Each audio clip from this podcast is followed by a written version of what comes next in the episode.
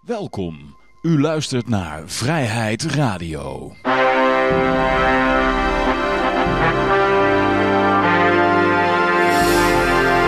Ja, dames en heren, jongens en meisjes, dit is weer een aflevering van Vrijheid Radio. Leuk om te luisteren. We zitten hier gezellig in uh, Café Libertaria. Met op dit moment uh, Peter en ik, Johan. Uh, er komen nog andere mensen binnen waaien, je weet maar nooit.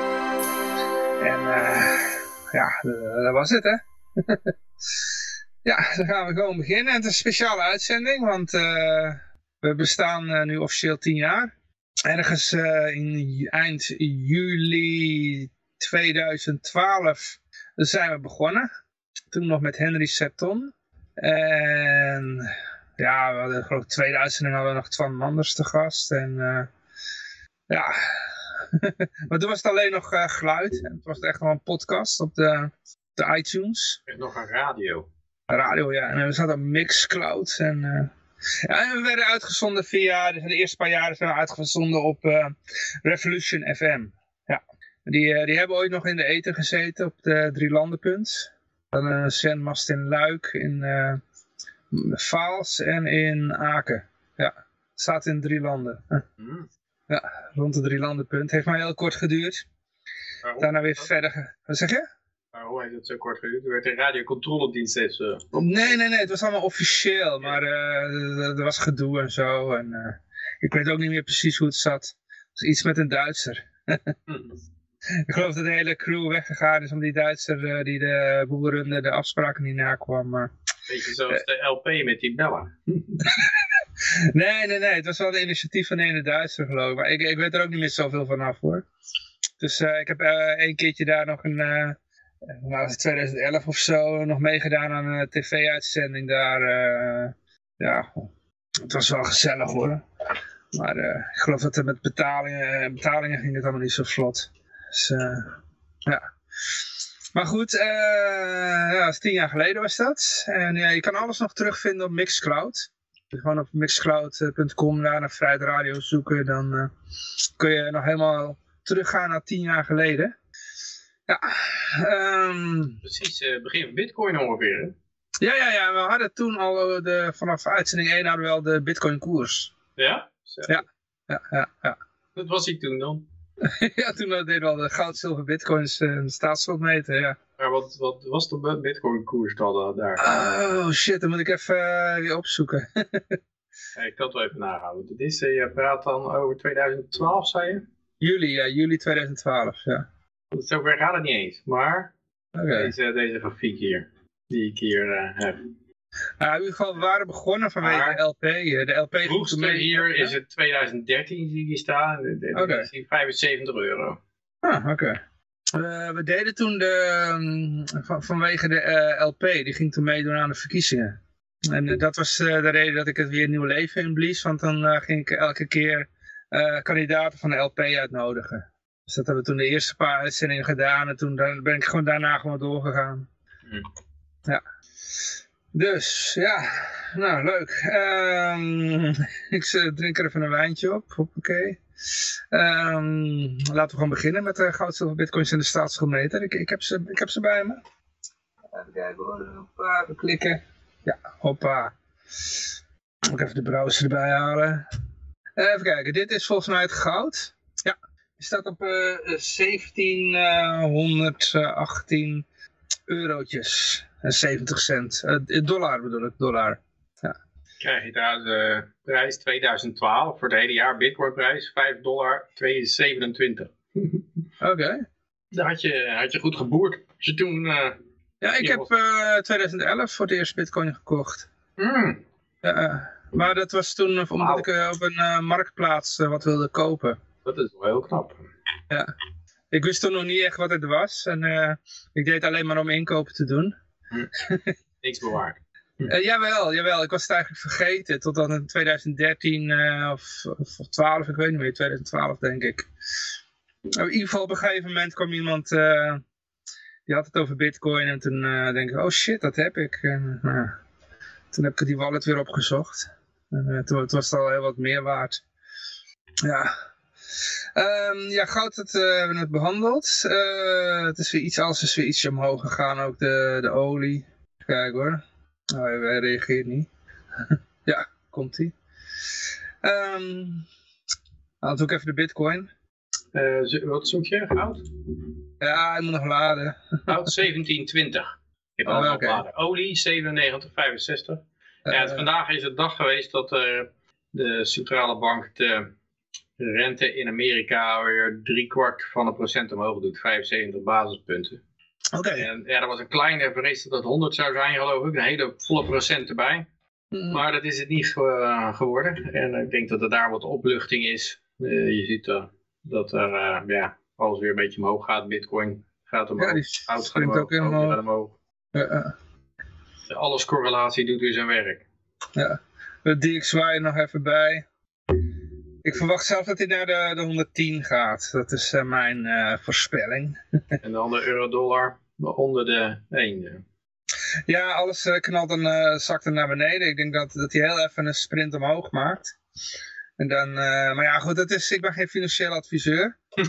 Moet je dat bij Je ziet dat hij nou om, om, omlaag gaat, de DXY. Maar die, die, ik denk dat hij nou even een stuiptrekking omhoog gaat. En dat is dan het laatste. Dan keldert hij weer naar beneden.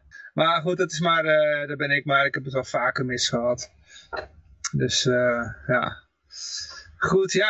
Um, Moeilijk dat soort voorspellingen. Je weet nooit hoe dat sentiment gaat draaien. Maar je kan wel zeggen dat het sentiment is wel de hele tijd heel bearish geweest. Dat het alles, alles naar beneden gaat. En heel negatief. Niet alleen bij crypto, maar bij aandelen ook. En bij obligaties. En dan is het meestal weer, weer eens tijd voor uh, ja, dat de zwakste handen eruit zijn. En dat uh, de optimisten alleen nog erin zitten. Die gaan het toch niet verkopen. En als het dan weer een beetje, beetje rooskleurig lijkt, dan kan je alweer... Ik denk niet dat het einde van, het, van, de, van de crash is. Maar ja, ik heb, uh, tenminste dat denk ik... Ja, ik weet, ik weet natuurlijk ook niet, maar er kan wel even een flinke opleving komen, denk ik. Ja, ja, ik denk zelfs dat er, dat er nog altijd, moet altijd nog echt een, een, hele duidelijke capitulatie komen, weet je wel. Ja. En meestal is dan even, even dat die flinke dip maakt en dan... Uh, dan, zijn alle, dan is alles, uh, ja, dan is het rood genoeg en dan gaat hij weer omhoog. ja. Oh, en wat ik nog wilde vertellen, de Energist, heb jij nog gekeken? Nee, ik, ben, uh, ik heb er niet bij. Uh, bedoel je, jij bent niet in beeld? Of, Ik ben niet bij met het, het episodes, toch? Die bedoel je, oh, toch? De okay, HBO's bedoel je? Ja, ze zit nou bij aflevering 3. Hm. En ik zag zo waar Adam Williams heel even kort in beeld. Kan ja, want ik zag op Facebook zag ik hem ook iets ervan uh, mentionen. Ja, onze vrolijke bodybuilder. ja, ja. Jij, jij, bent wel bij heel veel van die anarcho geweest, toch? Eentje maar hoor. Oh, eentje maar. Oké, dat was die van uh, eh, 2017, hè?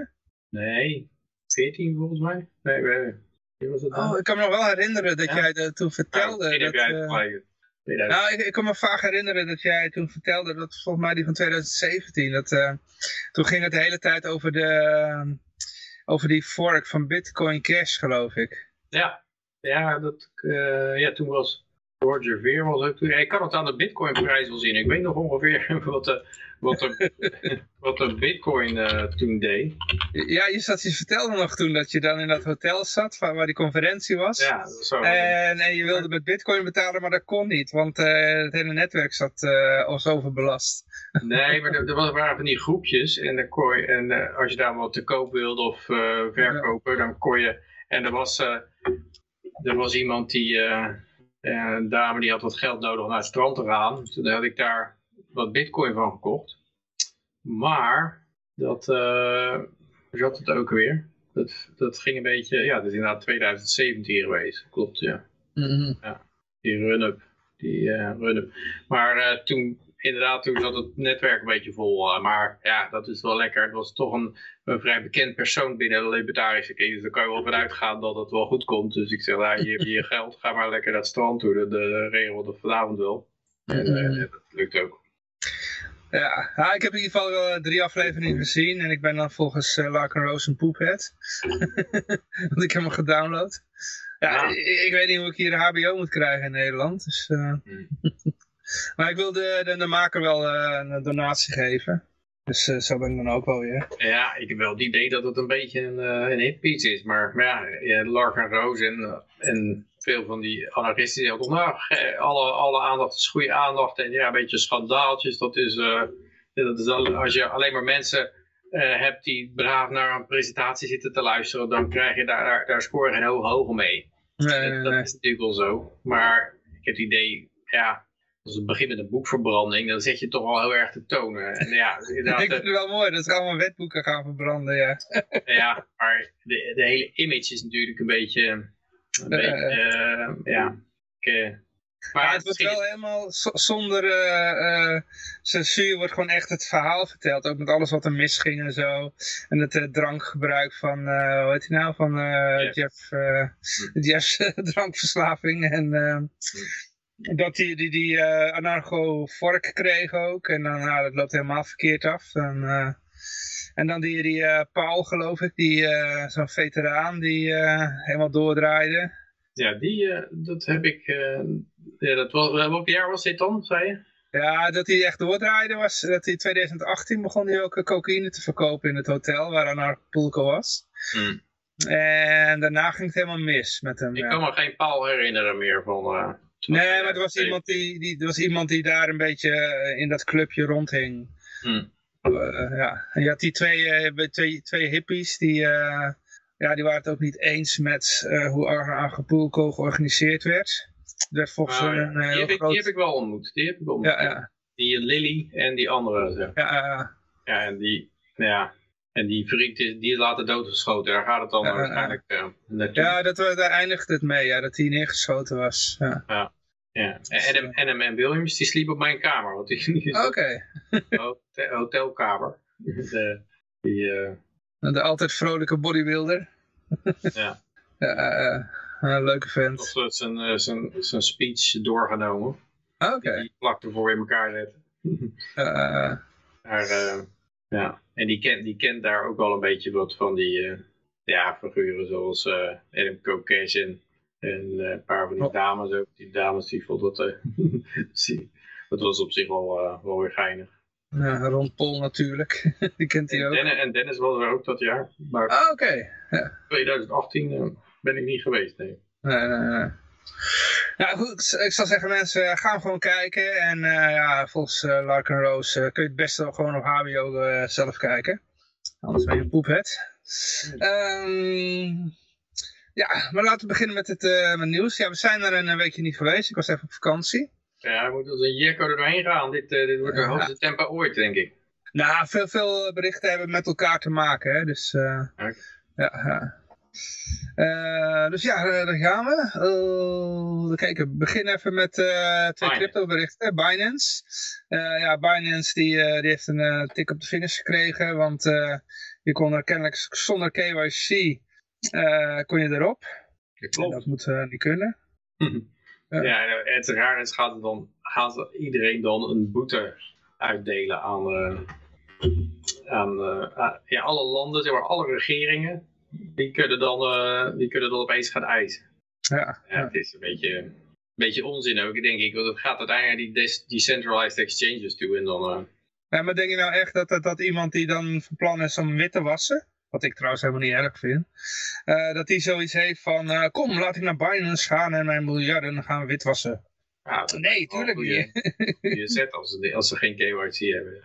Ja, maar ik denk dat er niemand die, die, die dat gaat doen, weet je wel. Als je echt, eh, laten we zeggen, je bent een, eh, gewoon eh, iemand die, weet ik veel, je hebt wapens van Oekraïne verkocht op de zwarte markt in Albanië of zo. En je wil dat geld witwassen. Beter voorbeeld, je hebt rauwe melk verkocht. Ja, ja. Ja, en dat wil je wit gaan wassen. Ga je dan naar Binance toe? Of eh, maak je van, eh, doe je het op een andere manier? Ik denk dat je dan beter, een, ja, als je, als je slim bent en je wil helemaal niet getraceerd worden, dan ga je het niet naar Binance toe. Oké. Toch? Lijkt mij Ja, toch? eh, Goed, eh, tips. eh, voor tips ga even vragen naar Johan Jongepie.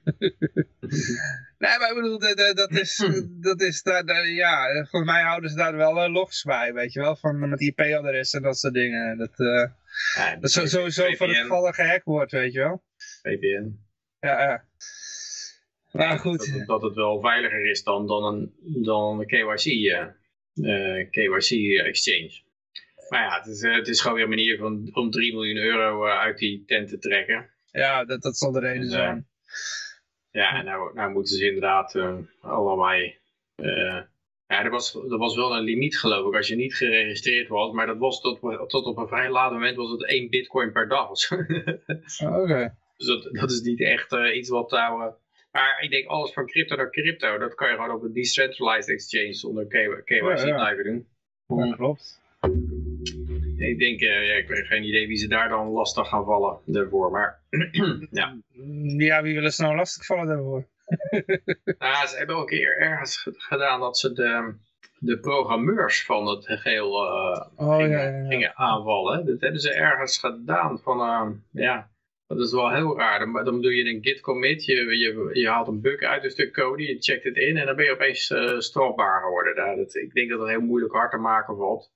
Ja, ja. ja, ze hoeven eigenlijk niks hard te maken. Ze kunnen gewoon iedereen in de gevangenis flikkeren die ze willen. Dus dan, ja.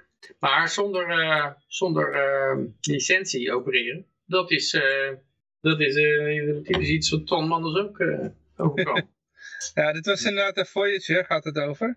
Uh, ze hadden wel een licentie als een broker, maar uh, ze opereren eigenlijk als een uh, bank. En uh, nou, het heeft eigenlijk te maken met dat ze een... nou, ja, het verhaal zit heel gecompliceerd in elkaar. ik ga het even kijken of ik het in een notendop kan brengen. Het is... Um... Ja, nou, nu, nu mis ik Yoshi even. ja, maar hebben we genoeg tijd voor al die berichten? Ja, ze, ze hebben een chapter... Weet je wat een chapter 11 is? Ja. Ja, ze, ze willen een Bank, bank, bank uh, rootbescherming. Maar ja, zitten, zitten ze in chapter 11, Binance? Uh, nee, dit gaat niet om Binance. Het gaat om Voyager. Ah, oké. Okay. Ik dacht dat je het volgende bericht al aan. Oh, nee, nee. Nee, oké. Okay. Nee, is goed. Ja. Hey, dat volgende bericht, dat was dus een uh, Voyager, die opereerde dan uh, als een bank. Ging om een, een, rechtszaak en het kwam omdat ze uh, eigenlijk in, in zwaar weer kwamen. Omdat ze... Um, nou ja, ze verkondigden altijd dat ze heel verstandig het geld belegden wat de mensen dan inbrachten. En dat geld was gewoon van jou, maar hun ging het beleggen. En dat zouden ze heel divers doen. Nou ja, ze hebben eigenlijk de helft van het hele vermogen hebben ze in Terra Luna gegooid. Mm. nou, je voelt het al aankomen. Mm. dat was niet zo'n slimme zet. En nou ja, nu uh, ja, uh, willen ze uitstel van betaling of zoiets. Toen hebben ze een chapter 11 gedaan, want dan konden ze, er waren ze een bank geloof ik. En dan, uh, ja, volgens mij... Kon... Chapter, chapter 11, kijk, als je... Hm?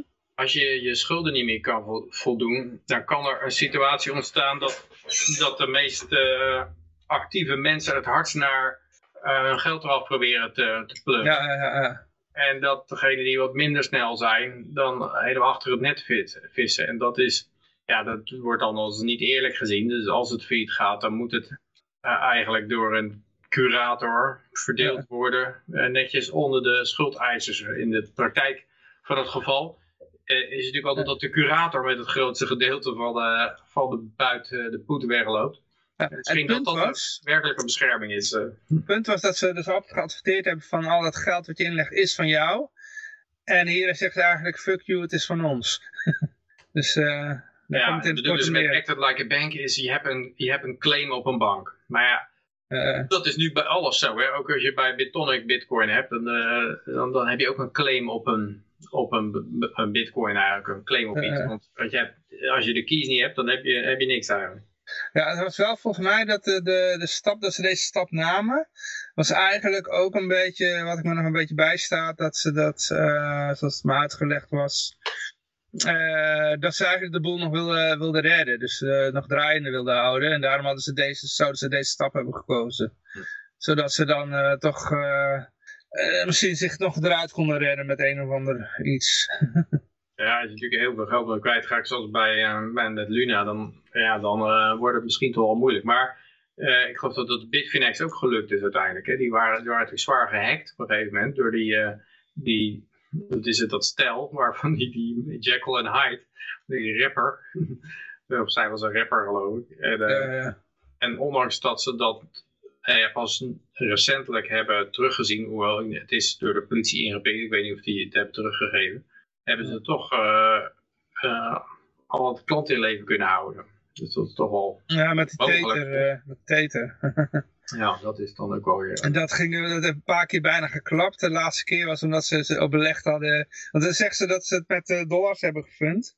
Ze allemaal dollars hebben, maar eh, dan bleek achteraf dat ze ook eh, met, met die eh, Chinese eh, bankbonds, eh, of nou, niet van die bank, van die, wat was het nou? Dat-. Ja, ik weet niet of dat, ja. dat werd wel gezegd, maar ik weet niet of, dat ooit, of ze dat ooit hebben toegegeven dat dat zo was. Ja, ja. Ja, het is Ze hebben zo meer niet dat, toegegeven. dat, dat het probleem is dat je, dat je die dollars, die moet je, ja, die, die moet je ergens neerzetten. Dus ja, dan, dan moet je obligaties van kopen of zo. Dus je, je loopt er altijd een soort risico, een default risico. Ja, ja. Neem aan dat ze het niet bij de centrale bank kunnen parkeren. Dus ja, dus, eh, eh, dit blijft altijd een, een soort van risico. Maar ik, het verbaast me eigenlijk dat zo'n club zoveel vertrouwen had in, in zoiets als een algorithmic stablecoin, waar, waar niks geen assets achter zitten.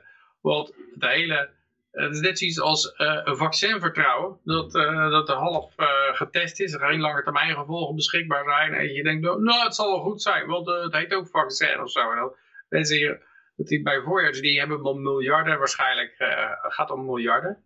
Eh, eh, En dat ze dan gewoon denken van, eh, nou, ja, kan niet misgaan. Eh, want als, als je er even in kijkt, en ik zou dat zeker meer dan even doen als je, als je met miljarden aan het spelen bent, dan had je wel kunnen zien van, ja, dit kan nooit goed gaan. Ze gebruiken de ene, de ene crypto, ongedekte crypto, om de andere crypto te dekken. Ja. Dus eh, ja, dat daar wordt het niet sterker van. Het is gewoon je, eh, dat die, eh, als die ene omvalt, dan valt de andere ook om. En die, en die gaat hard omvallen. Als, je, als die eerste dreigt om te vallen en je moet bakken van die tweede verkopen. Ja, dan, eh, dan eh, ja, hoe je denkt dat dat goed had kunnen gaan. Ja, het had misschien op tijd goed kunnen gaan, maar ja, je weet dat het wel een keer, een keer misgaat. ja. Ja, ik Maar, eh, snap het niet hoe mensen zo makkelijk zoveel geld in, in iets stoppen wat ze zo slecht onderzocht hebben. Ja, nou dan komen we het bruggetje naar het Witte Huis wel heel snel gemaakt.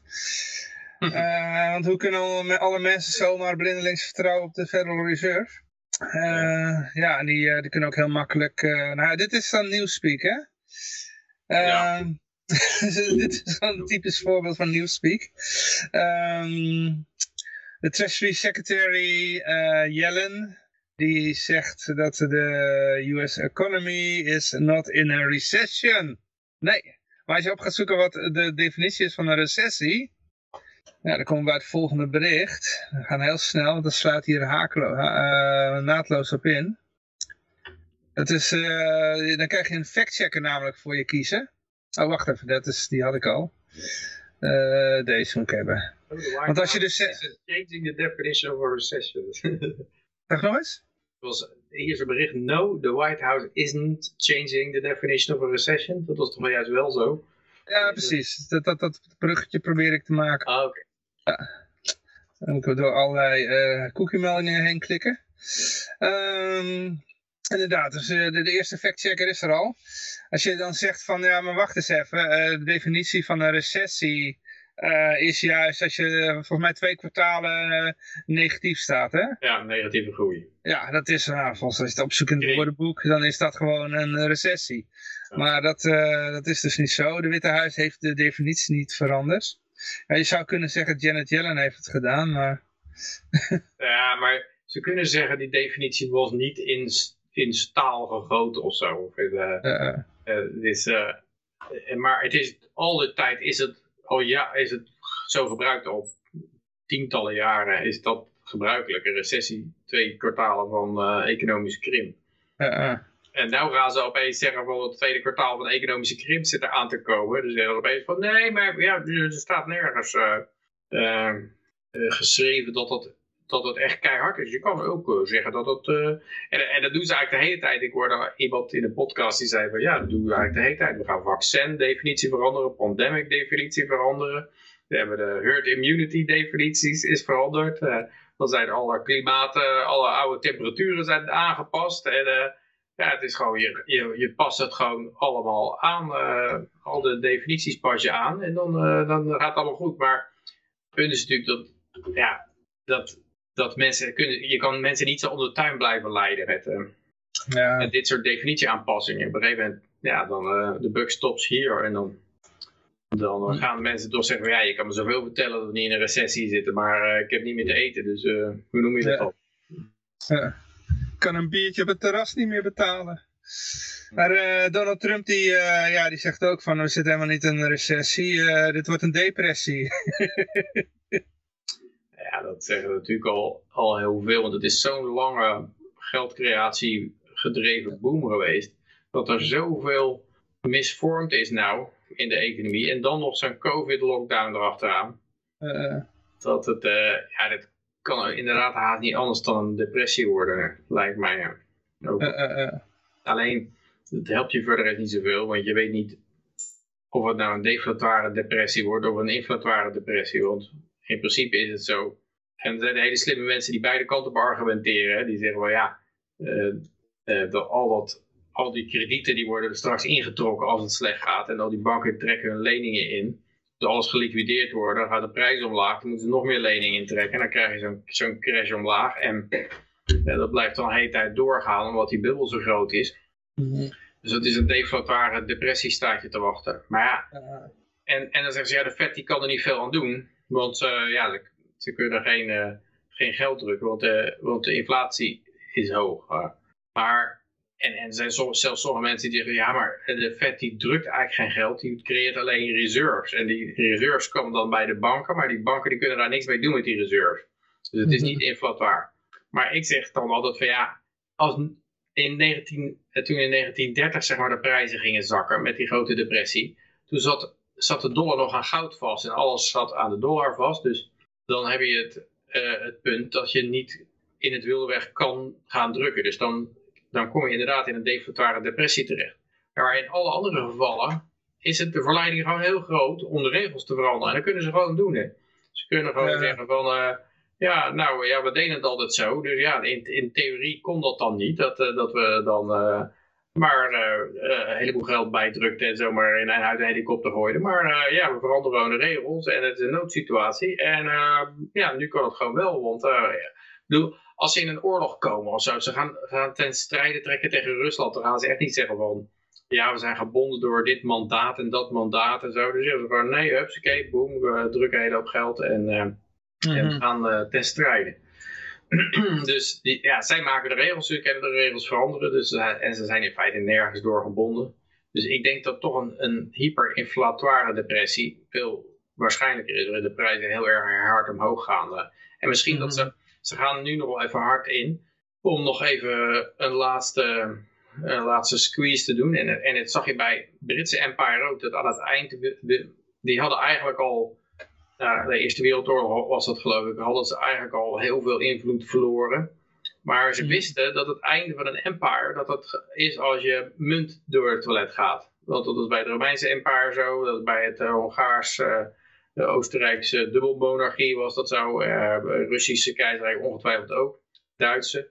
En als je dat, als je dat weet van die geschiedenis, van ja, je munt gaat dan, dan wil je heel graag, oh, ons empire mag niet falen, we moeten onze munt veiligstellen. De Britten die probeerden heel lang, ze de pond eh, omhoog te houden.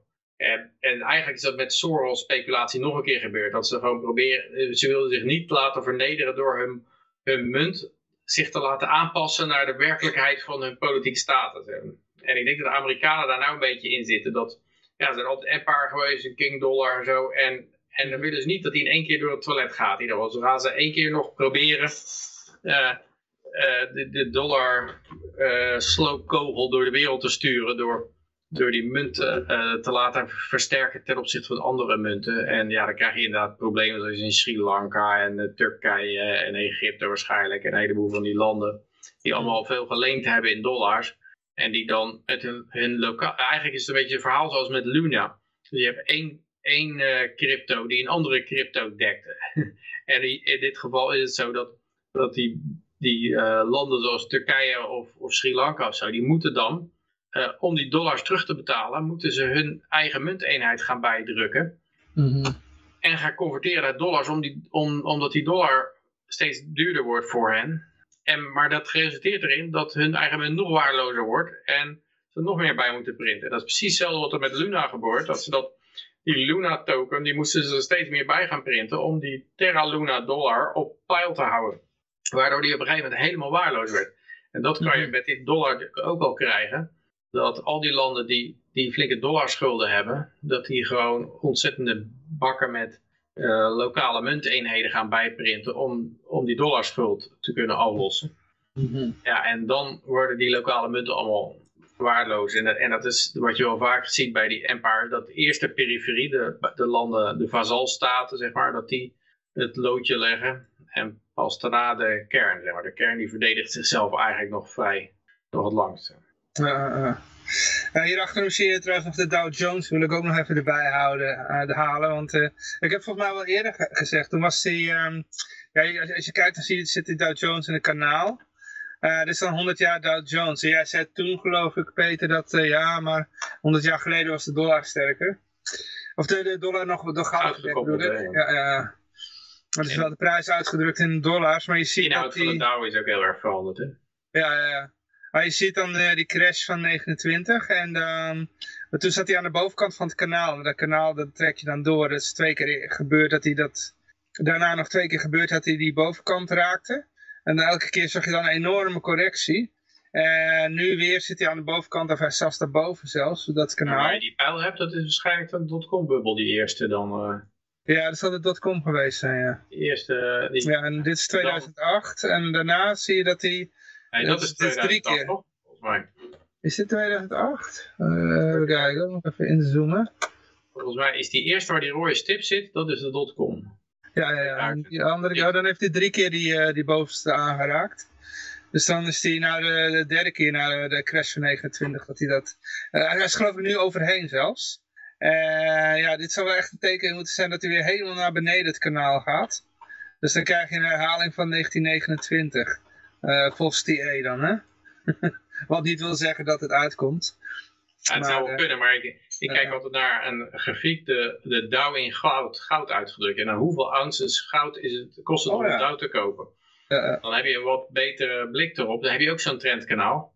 En dan zie je dat de, de bodem is daar, is daar iets van 1 ounce voor de Dow. En nou is de Dow natuurlijk, uh, wat is de Dow eigenlijk? 20.000 of zo? Nee, ik, ik, ik heb nog geen flauw idee eigenlijk. Mm -hmm. de Dow, kijken. Dow 30, oh nee, 30.000. 31.800. Dus dan, en goud is natuurlijk maar nog geen 2000. Mm -hmm. Dus dan is de vraag altijd, als dat één op één gaat, waar komt dat dan terecht? Hoor? Dat zou best kunnen dat dat dan bijvoorbeeld bij, bij 10.000 is of zo. Dat de, dat de Dow door 3 gaat en dat goud maal 6 gaat. Mm -hmm. Ja, nou ja, het is, uh, ziet er niet rooskleurig uit, maar uh, ja, we kunnen niet heel op lucht blijven le leven. Nee. Uh, ja, kijk, voor Donald Trump, ik denk dat het ook gebeurd was als Donald Trump aan de macht was geweest. Ja, misschien, ja, misschien was het allemaal iets anders gelopen, maar dit zijn dingen die zijn zo massaal, die zijn niet tegen te houden. Ook omdat die hele machinerie van de staat gewoon niet te besturen is. En al die, die middelagentjes daar, die zitten gewoon allemaal hun eigen dingetjes te doen. En daar kom je toch niet doorheen. Dus de president heeft denk ik in feite vrij weinig macht. Ja, ja. Uh, dan gaan we naar de ECB. ECB uh, launches een lift-off after um, 11 years. Um, hikes 50 BBP, BPS. Uh, as it also unveils Italy... Speciaal Specific, Italië. QE. ja, dus het is eigenlijk na 11 jaar gaan ze de rente omhoog doen. En dan gaan ze de rente omhoog doen van min een half procent naar daar nul. Dat is, het, uh, dat is nou wat er uh, gebeurt. Mm -hmm. En, uh, met een half procentje. Maar wel met, de, met het verhaal erbij, want Italië, dat, dat was ook weer de regering gevallen. En Draghi, die, die heeft geen steun. En, en eigenlijk zag je de obligaties van Italië, die werden al duurder, goedkoper. dus meer, meer rente. Omdat ja, men Italië gelijk in de problemen komt als de rente ook maar iets omhoog gaat. Dus wat ze daar blijven doen, de ECB, dan gaan ze speciaal voor QE, blijven ze obligaties kopen van de Italianen. Maar dan zit je gewoon Italianen te subsidiëren. Want ik denk dat het tot nu toe altijd zo was, dat de ECB neutraal was. En als ze dan gesteund moest worden, dan steunen ze alle, alle landen naar rato. Kochten ze alle obligaties naar rato. En dat Mhm. betekende dat je dus Duitsland kreeg heel negatieve rentes, omdat die obligaties al eh, heel, heel veilig waren, werden gevonden. Mhm. En, ehm, en Italië bleef dan de rente een beetje binnen de perk. Maar nou gaan ze dus gewoon verder uitkopen alleen Italiaanse schuld. Wat gewoon betekent dat er rechtstreeks een subsidie van, van Italië is. Mhm. Eh, ja, wat, wat volgens mij uiteindelijk hier zulke scheve ogen gaat geven. Als natuurlijk de echte shit hits de fan, dan wordt die, is die tolerantie van, eh, nou ja, verwater onze munt maar. Om de Italianen op te grote voet te kunnen laten leven. Daar, daar, eh, ja, daar, het, zal, het zal steeds meer spanning geven, denk ik.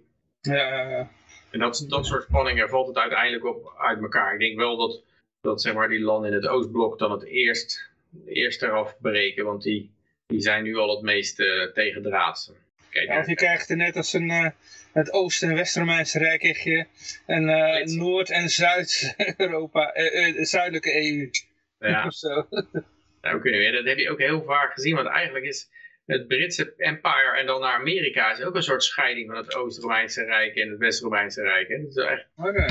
tenminste, ik heb ook het idee, want kijk, het, in Byzantium gingen ze natuurlijk nog duizend jaar door nadat het uh, West-Romeinse Rijk al een beetje onderuit geschoffeld was. En ik denk het idee dat, dat Amerika ook zoiets, uh, zoiets alle beste mensen die gaan dan Amerika toe. Die, en daar kan het nog een hele lange tijd doorgaan voordat het ook de aderen daar helemaal dichtgeslipt zijn met bureaucratie. ja. Ja, en, nu, nu, en nu vluchten ze allemaal naar Mexico. Dan krijg je het een, een Mexicaanse rijk over 100 jaar of zo. Nou, wat je alle, alle slimme mensen gaan daar naartoe. Ik heb dat wel eens afgevraagd van wat zijn nou de beste oorden geweest, bijvoorbeeld naar het Britse empire in elkaar flikkeren, wat, waar je dan het best kon zitten. Maar dan de meest vrije plaatsen en meest welvarende zijn dan Hongkong, Singapore, Cayman-eilanden. Dus dat zijn allemaal de periferie, uh, uh, ja, een beetje eilanden, stadstaatjes en end weg van het empire. En ik denk dat die dan nog wel zeg maar, het goede kunnen handhaven uh, van, het, uh, van het Britse, Britse Rijk, maar niet mee worden gezogen in de, of, of kunnen, zich kunnen onttrekken aan het mee, mee worden gezogen in de val van, van uh, Engeland zelf. Dus aan de ene kant heb je dat de periferie vaak als eerste de grond inknettert. Aan de andere kant heb je van die kleine eilandjes, de, eilandjes en stadstaatjes en zo. Als je daar toevallig iemand hebt die, die de belang van vrijheid wel ziet en die er wel aardig wat invloed heeft, dan kan het heel goed gaan zoals met Hongkong en Singapore eigenlijk heel lang het geval was geweest. Economisch gezien in ieder geval. Mm -hmm. Ja. Dus ja, wat waar je daaruit kan leren, wat, wat, waar, hoe zou dan de EU, de, als je de EU in elkaar valt, waar kan je dan het best zitten? Waarschijnlijk in Montenegro of zo, of uh, dat soort, uh, ja, dat soort uithoeken. Servië. ja, misschien wel, ja.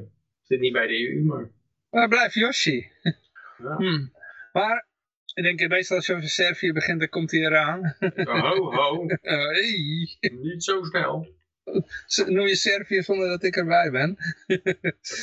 um, maar uh, ja, dan gaan we even naar BlackRock toe, want uh, die heeft ook weer een record. Dat is volgens mij uh, is nog nooit gebeurd dat een bedrijf voor zoveel honderden miljarden in, in, in het rood gaat. ja, ze smashes industry records. BlackRock heeft uh, katastrofaal verlies, honderden miljarden, hundreds of billions, dus honderden miljarden verlies. En uh, ja, dat is natuurlijk die tent die zo ESG uh, gedreven was. En het, het, het, punt is een beetje dat, ja, als je kijkt wat die ESG er allemaal uitlaat, ze allemaal, oh, geen olie en geen, weet ik veel, houtkap. En, en al die dingen die zij niet doen, daar vliegen de prijzen eigenlijk van omhoog.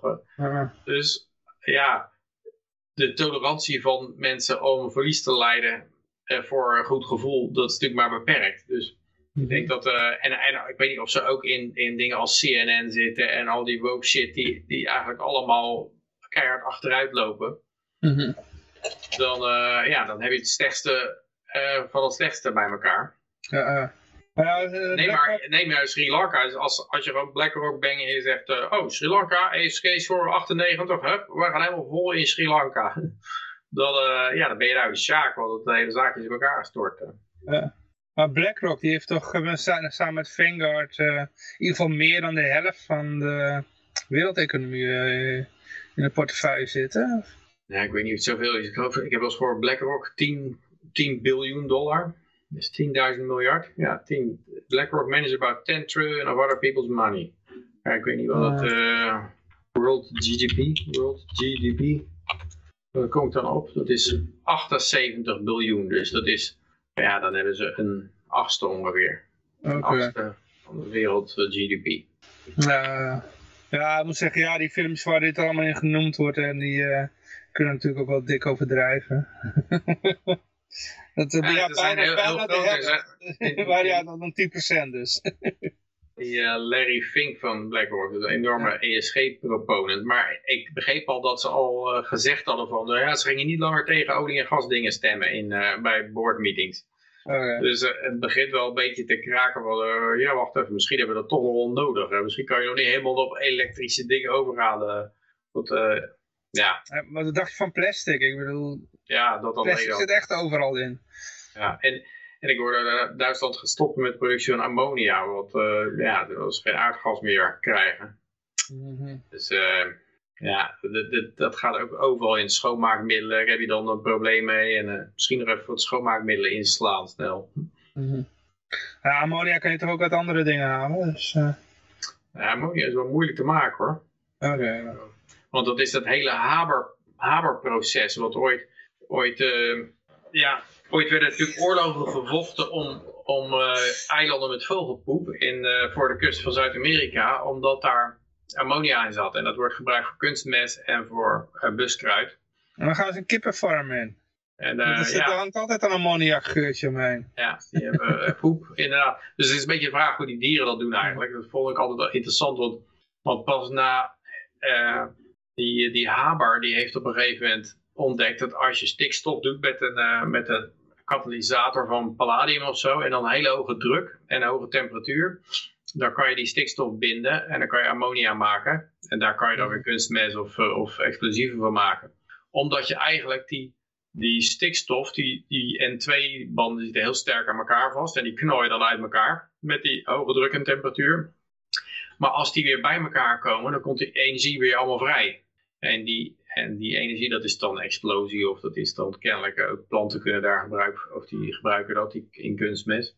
Mm -hmm. En... Uh, en dat heeft eigenlijk het, het leven van, maakt het leven mogelijk op deze aarde van miljarden mensen, dat proces, dat Haber-proces. Eh. En dat is een beetje triest, want die Haber, had ze een eh, filmpje over gezien, die, uh, die was heel patriotistisch in de Eerste Wereldoorlog. Dus die was heel erg voor Duitsland en die ging, die ging meehelpen met gifgas ontwikkelen ook. Oh, ja, ja, ja. En toen uiteindelijk zijn vrouw, die heeft zichzelf van het leven beroofd. Ik weet niet of dat daarmee te maken heeft, maar zo, ja, hij was, ging heel erg op in zijn werk. En, en, en zijn werk was eigenlijk niet zo fraai. De vergaderingen waar Einstein uh, weigerde te tekenen, geloof ik. Hè? Want die, uh... Ja, het, het, nou, hij had de Nobelprijs gewonnen, geloof ik, maar er waren, was er wel heel veel protest over. En collega's die wilden niet bij zijn. Want ja, hij, omdat hij zo in die Eerste Wereldoorlog bij dat gifgas betrokken was. Maar ja, dus hij, hij, maar hij heeft waarschijnlijk wel miljarden mensen uh, uh, van leven voorzien door die kunstmest. En het is zelfs zo dat China, toen, toen Nixon naar China ging om het op te heffen, was het eerste wat de Chinezen wilden, was die toegang tot die, dat Haber-Bos-proces om ammonia te maken, zodat ze kunstmest konden gebruiken. Want ja, de gewasopbrengsten kunnen gewoon enorm veel omhoog. En ja, je ziet wat in Sri Lanka gebeurt als je daarmee ophoudt. Ja. Ja, dat, dat is denk ik de reden ook waarom de koeienpoepen gebruikt worden. Want die kennelijk koeienpoep, kippenpoep, vogelpoep, al die poep, er zit ook allemaal uh, ammonia in. En, uh, maar dat, dat, dat rijst bij mij dan de vraag van hoe, hoe doen die dieren dat? Hè? Want die, die kunnen dus kennelijk ook dat stikstof, uh, de, dat stikstof binden. Waar, waar je in een chemisch proces in een fabriek heb je daar gewoon enorme druk en temperatuur voor nodig. En kennelijk gebeurt dat in een vogelmaag ook. Uh. dat, is ja. wel, dat is wel apart. Die hebben dan denk ik daar een ander trucje voor. Of die dat met bacteriën doen of zo. Of met, dus daar, er moet iets zijn dat dat, dat, dat ook doet. Want die, eh, die fabriek die, die vloog ook heel vaak de lucht in. En die explodeerde ook heel, heel uh, gebeurde heel vaak. Natuurlijk de hoge druk en hoge temperatuur. Maar dan heb je ook nog dat kunstmest met dat, met dat stikstof. Wat gewoon dat er iemand, uh, toen was er nog gewoon dat je op de werkvloer kon roken. Ja, waarschijnlijk ja. Ja, dan kan je het nog zoveel keer uitleggen niet doen. Dat zijn het al wel sukkels die dat, uh, die dat even vergeten. En denk, nou, dat is ook lekker een sigaretje nemen. Ik moest in mijn jonge jaren moest ik nog wel eens bij een, ik wel eens van die baantjes, ja ik nam toen alles aan en zeker als het goed betaalde, dan moest je ergens gif opruimen. En uh, toen zaten we gif te ruimen daar en uh, toen zaten we te praten en toen bleek dat uh, al mijn collega's ook al van een joint hielden. En nou, nou, weet je wat, waarom draaien we nu niet eentje? Dus ze zaten een joint te roken om tussen dat gif op te ruimen. Totdat er iemand langs kwam die zei, ja dat is zwaar onvlambaar. Uh, ik zal die joint maar even uitdoen als ik jullie was. Dat ik ja, van die mensen die zetten op het toilet, wordt dat schoongemaakt door een schoonmaakmiddel erin een sigaretje te roken. En dan gooi je daar die peuk zo naar beneden toe. Oh, boem. ja, zo gebeuren bedrijfsongevallen. Ja, um, even kijken. Oh, je moet natuurlijk de vaart erin houden. Waar waren we? BlackRock. Uh, we gaan nou even naar de 20%. Even kijken hoor. Oh ja, dit gaat over de, de Gay Pride. Uh, 20% die, uh, die is niet helemaal LGBTQ, et cetera. Ja, het gaat zelfs zo dat de 20% van de sponsoren van de Pride, dus dan ben jij een sponsor, je gaat die Pride-boten sponsoren. Uh, en dan, uh, maar dan hebben ze, hebben ze geen beleid, LHBTIQ plus min beleid. Uh, het, inmiddels is, weet niemand meer waar die letters voor zijn. Iedereen zit er voor, wat het, lesbi homo was dan nog duidelijk, duidelijk maar dan bi kan je nog zien, maar dan TIQ plus min, nou wordt het echt helemaal te Het is dan trans zijn, hè? Ja, het is wel trans zijn en dan I ja, daar houdt het allemaal op van mij. Sorry, ik hoop niet dat iemand zich gekwetst voelt. Oh, nee. Heb je enorm gekwetst, heb je? Ik wil wel vragen aan de luisteraars, of, want ik hoorde net een rare buzz. Uh, of wij allemaal goed te verstaan zijn dat er geen haperingen op, de, op het geluid zijn. Dus laat even weten in de chat. Ja, we gaan verder, Peter. Ja, je moet dus een beleid hebben als bedrijf. Je moet een LHBTIQ plus min beleid hebben. En als je dat niet hebt, dan word je ook aan de schandpaal genaald. Ondanks dat je dat je die bedrijven, eh, die hebben dat ding gesponsord. Dus dan gaat nu.nl, die gaat die bedrijven, die sponsoren opbellen en zeggen, ja, van de 74, 74 bedrijven reageren er 39. En acht daarvan hebben geen concreet beleid. Dus moet je aan nu.nl je concreet je LHBTIQ plus min beleid uitleggen. Oh man. Volgens mij is dit slecht voor de sponsor. Want, want als je nou je sponsoren aan de, aan de schandpaal gaat nagelen, dan denken die, die sponsoren de volgende keer, weet je wel, die bedrijven die niet sponsoren, die kwamen er eigenlijk veel beter vanaf. Want die, eh, die, die werden niet, uh, daar kan je ook niets fout doen, zeg maar. En je doet het bijna gegarandeerd fout op een gegeven moment. Uh, ja. Je nou, denkt, oh, ik sponsor, dus het zal toch goed zijn? Nee, fout, je hebt geen beleid. Ik heb, ik, ik heb heel lang een vriend geholpen met zijn bedrijfje. Want ja, hij, was, uh, hij wist niks van computers af. Maar die had hij wel nodig. Dus ik hielp hem dan uh, vaak met zijn computer. En ik, ik, zag een beetje hoe hij het deed. Hè? Van dan, uh, oh, ik, ik hoor nou net van uh, dat ik een, een of andere gebruikersvoorwaarde of zo moet hebben. Of een of ander dit of dat. Ik heb geen idee wat het is. Maar ik kijk gewoon bij mijn concurrent en doe ik en past. Hmm. zo ging dat. of zo gaat dat denk ik bij heel veel bedrijven hoor. Die, ja. Die denken, oh, het is weer de zoveelste bullshit. Hij kopie en past het van de concurrent. En die heeft ook weer van iemand gekopie en past, weet je wel. Dus, uh, ja. Ja, maar dan gaan ze kijken van, nee, deze bedrijven verkopen kleding. Maar die kleding die komt dan ook uit bedrijven, uit landen die geen LHBTIQ plus min uh, vriendelijk zijn of zo. Ja, uh, ja als je, dit is holier than die, weet je wel. Die, die, de heiligheidsspiraal krijg je dan. Op een moment is, er, er worden steeds meer partijen uitgeknald, omdat ze niet, niet goed genoeg zijn, niet heilig genoeg. En dan krijg je een soort oorlog over wie het meest heilig is. En mm ja, dat is, meestal is het een soort doodspiraal waar je dan in terecht komt. Want, want uh, iedereen gaat wanhopig zoeken naar waarom de ander niet uh, ergens een foutje maakt. Of een slippertje of ergens een... Ah, je heeft wel een LHBTI beleid, maar geen Q-beleid. Ja, uh, fout. De Sjaak. ja, het is... Het zijn kleine bedrijven, bedrijven, ook van die, van die acht bedrijven, zijn er vier zijn kleine bedrijven die niet altijd de middelen hebben om dat soort regelingen te implementeren. Nee, ik denk dat als je, als je een klein bedrijf bent en je gaat dit soort dingen, beleid implementeren, dan, uh, dan denk ik dat je snel uh, exitbedrijf bent. Hm. Het, uh, ik weet niet of je nog weet dat 20 jaar geleden was de, was de, in één keer moest je dan een gescheiden toilet hebben. mannen, vrouwen en invaliden. Mhm. En, en, en daar werd je voor beboet als je dat niet deed. Ja. En nou kwam ik laatst, ik ging ik voor het eerst een sinds lange tijd weer naar een bioscoop. ja, heb je niet Die meer? hè? Elvis, die Elvis eh, film gekeken. En in één keer was dat eh, weg. Ja, ik was ook bij een restaurant waar ze ook maar één toilet hadden. Ja, ik denk, eh er zijn in het verleden al een bedrijf voor beboet, weet je wel. Ja, Hoe kwamen ze nou eindelijk achter dat het, het riool eh scheid heeft aan eh, welke... het riool schijntje. scheid heeft Wat een mooie woordspeling hoort hier voorbij komen op Vrijheid Radio. Dankzij de tien jaar bestaan. Er een paar extra mooie woordspelingen hoor. Oh, Ja, het kan best eh, zijn dat het andersom is. Hè. Op een gegeven moment dat, eh, dat als je wel gescheiden toiletten hebt, dat je dan weer een boete krijgt. Dat, dat is niet eh ondenkbeeldig. ja, ja, ja, want dan, dan ben je niet eh, ge- gender inclusief genoeg, hè. Precies. Dan moet je nog een transtoilet hebben en een... eh, Ja, dan moet je zoveel toiletten hebben dat je een enorme restaurant nodig hebt. Ja, maar in de tijd van de apartheid in Amerika, de segregatie, eh, heette dit gewoon een segregatie of racisme. Hmm. Weet je wel, als je de to- een, een, een to- toilet voor witte en voor eh donkere mensen had. Weet Ja. je wel? Dus Nou, eigenlijk is het ook discriminatie als je zegt voor mannen en vrouwen. Ja, ik hoorde al zo'n eh, zo'n een zwart iemand zeggen van, ja, uiteindelijk gaan we weer naar aparte drinkfonteintjes toe. we hebben helemaal het cirkeltje rond. Ja. Alleen is het dan eh, om, om eh, mooi weer te spelen en eh, om, om aan te tonen hoe erg je om Black Lives geeft. En, en toen was het juist niet. Maar het resultaat is hetzelfde.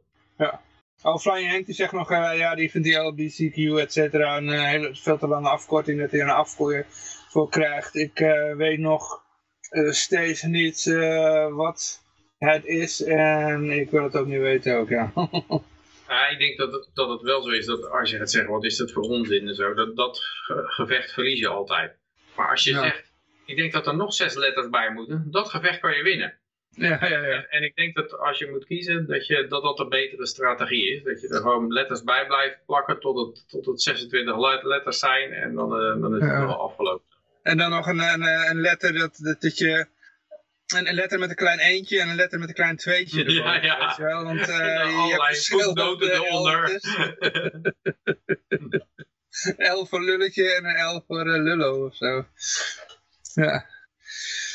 Eh, oh, er wordt steeds meer in de chat eh, gegooid. Eh, nou, voordat we het volgende bericht gaan, eh, zal ik nog even kijken wat dat is. Flying Henk, hahaha. Steeds meer letters erbij. Oké, ja, goed. Het, ja, tot niet meer geloofwaardig wordt. Inderdaad, hij snapt hem.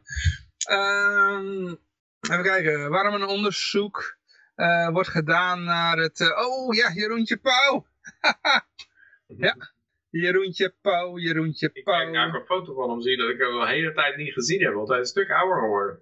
Ja, inderdaad. Nou, hoewel dat ook zo is. Eh, Dat heb ik ook wel. Ik, eh, ik was bij zo'n zo'n bar, was ik twee jaar niet geweest eh, tijdens de covid. Dan kwam ik terug en ik kijk naar die eigenaar. En ik jemig man, de ben ouder geworden? Zou ik nou ook zo, zoveel ouder zijn geworden? Maar zou het ook zo kunnen zijn? Ja, ik dacht in eerste instantie, dacht ik van ja, als bar-eigenaar heb je wel enorme zorgen. Want waarschijnlijk heb je een hele hoop schulden moeten nemen. En eh, ja, dan kom je daar ooit nog weer uit. Dus, eh, dus misschien dat, die, dat je door die enorme zorgen, dat je daar eh, ou- ouder van wordt. Maar het kan natuurlijk ook dat, eh, dat het de jab is. Dat als jij de, als je de jab hebt genomen, de jab in je leven hebt geaccepteerd, dat je daar heel oud voor wordt. Daar hoorde ik een andere verklaring over. De Ja. bedelling op de London Calling podcast, wat ik wel een aanrader is, dat is leuk. Oké. Mhm. Maar ja, eh, Jeroen Pauw heeft dus via een aparte constructie heeft hij meer verdiend dan, eh, dan zou mogen. Mhm. mogen niet, eh, niet meer verdienen dan de minister. Dan de minister. Dat is de, de balkeneditor. Dat is natuurlijk zo. Is een soort, soort jaloezie natuurlijk. Dat, ja, die lui moeten niet denken dat, ze, dat zij de macht hebben, de media. Ja. Ja, Jeroentje Pauw, Jeroentje Pauw. Niemand heeft zoveel talent als jou. Hè? Dus daarom krijg je er een hele hoop doekoe bij. Want eh, oh, je hebt zoveel talent. We moeten jou houden.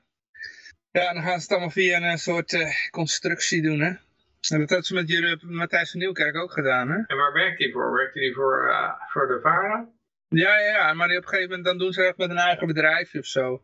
Dat En is dan wel huren leuk. ze En zijn ik, ik, zeg, ik bedrijfje vind in het en leuk dan- dat de VARA, wat toch een socialistenomroep is, die alles wil nivelleren en gelijk trekken, dat die dan degene zijn die een presentator zo'n ontzettende bak geld geven via een constructie.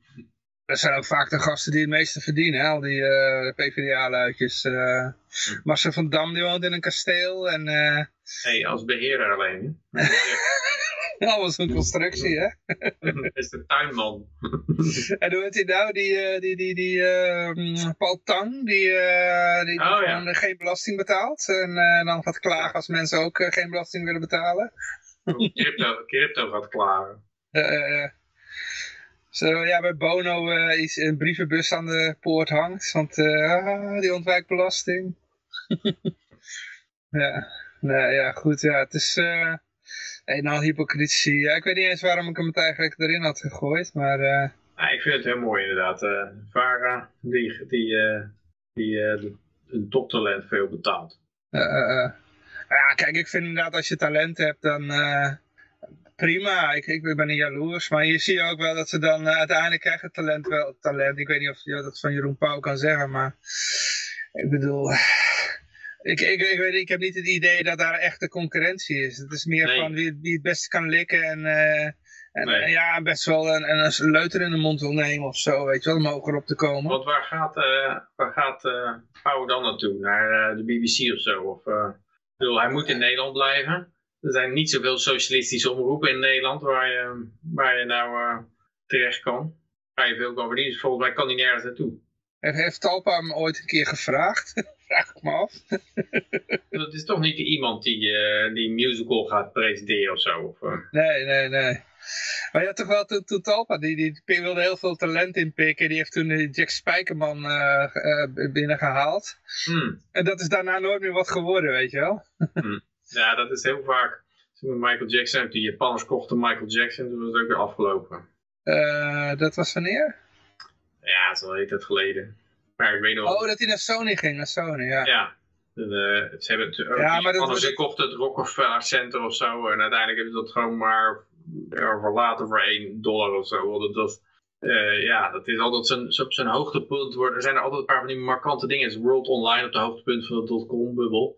Ja, maar die aankoop van Michael Jackson, dat, dat, dat, die, dat, dat, die, eh, dat er daarna niks werd, dat was ook, eh, had ook andere redenen. Dat niet echt aan Michael Jackson lag. Ja, ook aan Michael Jackson lag omdat hij rare dingen met kinderen deed. En dat kwam toen naar buiten toe. Maar ook omdat je toen Napster kreeg en al die eh, de dingen waardoor de, de hele muziekindustrie eigenlijk eh, Hmm. in elkaar zakte. Ook omdat ze de, de mensen hadden genaaid met die cd. En dat heeft een enorme eh, backlash gekregen. Want mensen hadden zoiets van, ja, we hebben al die jaren te veel voor de cd betaald. En hé, hey, nou kunnen we het gratis binnenhalen, weet je wel. Nou, Dus, dit- dat, ja. dat, dat zijn allemaal punten wa- wat er Ja. precies, waar, waar het precies door komt. Dat is eigenlijk niet zo heel interessant. Want waar, waar het meer om gaat is, er is iemand die heeft een zak geld gekregen. In Japan was dat eigenlijk de kredietbubbel van de Japan-hype. Ja, In, in de jaren 80, ja, dat eindigt eigenlijk de jaren 80 of zo, denk ik. En, en dan hadden ze, hebben ze enorm veel geld en dan gaan ze shoppen. En dan kopen ze allemaal domme dingen die uiteindelijk heel snel waardeloos zijn. En dat zie je, een patroon zie je heel vaak terugkomen. Dat, dat eh, er is een succes, daar wordt een hoop geld mee verdiend. Dan denken ze ogenblikkelijk dat ze genieën zijn en alles, eh, dat ze, eh, weet ik veel, zoals een kolenmijn en een, en een, eh, frisdrankfabriek en weet ik veel wat voor onzin allemaal waar ze niks van af weten, wel kunnen opkopen en voor kunnen verbeteren. En dat, dat wordt allemaal mislukking. ja. Hm. Ehm, inderdaad. Eh, Even kijken hoor. Waar waren we? Waar waren we? Waar waren we? Zijn nou bij Hengelo. Eh, ja, Hengelo, ja. Oh, kijk, de gemeente Hengelo, die, gaat, eh, die wordt een kruidenier. Denk na over een supermarkt voor de armen. Bezoekers Ja, denken betalen na, hè. minder en er liggen veel gezonde producten. Wacht even, dus... ehm, ja, Maar hebben maar- we al niet een voedselbank? en dan moet je dan, dan moet je naartoe gaan. Dan moet je er bewijzen dat je weinig, eh, weinig geld hebt of zo. Hm. Voordat je er mag winkelen. Maar dan kan je gewoon vragen aan iemand die weinig geld heeft. Zeggen van, hey, wil jij wat bijverdienen? Nou, dat is iemand die weinig geld heeft, die wil het wel. Ja, dit is mijn boodschappenlijstje. Gooi deze bak even vol. Ah, ah. Betaal ik daar eh, 20% meer voor. Krijg ik extra gezonde producten, krijg ik dan. Mhm. We moeten al die armen in de gaten gehouden worden, dat ze dat niet gaan doen. Ja, eh, 26 opsporingsambtenaren omheen cirkelen. Wordt natuurlijk allemaal heel duur. Ja. Maar het is voor in, in, inwoners die tijdelijk te weinig inkomsten hebben. Ja, ja, tijdelijk. Dus dat bekende tijdelijke maatregelen. Sowieso ga, trap nooit in dit soort dingen van de overheid. Ik uh, Ja, het is kan je garanderen dat het misgaat. Ja. Denk aan dat van de, dat, dat, wat was het ook weer met die ehm toeslagenaffaire? Ja, je, je zou een toeslag krijgen. Joepie. Op de Belastingdienst. Ja, het is Ja. natuurlijk heel raar dat als je alles inkomensafhankelijk gaat maken, want dat heb je heel vaak dat bijvoorbeeld de, eh, ja, de boetes, verkeersboetes in Finland, die zijn inkomensafhankelijk. En dan als je de broodprijs ook inkomensafhankelijk en de energieprijs inkomensafhankelijk en de huurprijs inkomensafhankelijk. Waar je dan toe leidt is dat het gewoon geen enkel nut heeft om een hoog inkomen te hebben of om, om eh, hard te werken of zo. Want, want ergens anders zag ik een artikel waar mensen, ik weet niet of dat ook in ons lijstje stond, maar eh, waar- waarom werkt iedereen parttime en dan gaan mensen niet meer uren werken? Ja, eh, hierom dus. Dat, dat- omdat je, ja, als je meer gaat werken, dan raak je huursubsidie kwijt. En eh, ja, je, je bent al je, Ja. voordeeltjes kwijt. Dus het, het heeft helemaal geen zin om meer te gaan werken. Er zijn zelfs gevallen bekend van, van een gezin. En als die dan meer gaan werken of meer gaan verdienen, dan houden ze netto minder over. Want dan, dan gaan ze over een drempel heen en dan raken ze opeens een hele hoop kinderopvang eh, geld kwijt en eh, huursubsidie. En eh, dan kan je zeggen, nou, laat maar zitten die uh, salarisverhoging, want dan ben ik gelijk de sjaak. Ik had nou ook met mijn, ik had, ik had, ja, eh, mijn vakantie heb ik gewerkt eigenlijk.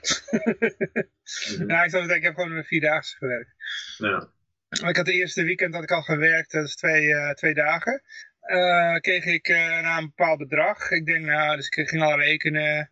Nou, dus, eh, volgende maand dan werk ik, eh, sorry, volgende week dan werk ik gewoon 40 uur. Dat is dan dat bedrag maal 2,5. En toen kreeg ik, eh, ik denk, joepie, lekker veel geld. En toen kreeg ik gewoon veel minder. Ik denk, hé, dat klopt niet. Dus ik eh, mailen, van hoe kan dat nou? Maar ja, er blijkt dus niet alleen dat, dat je als je boven de 40, dat je dan minder gaat.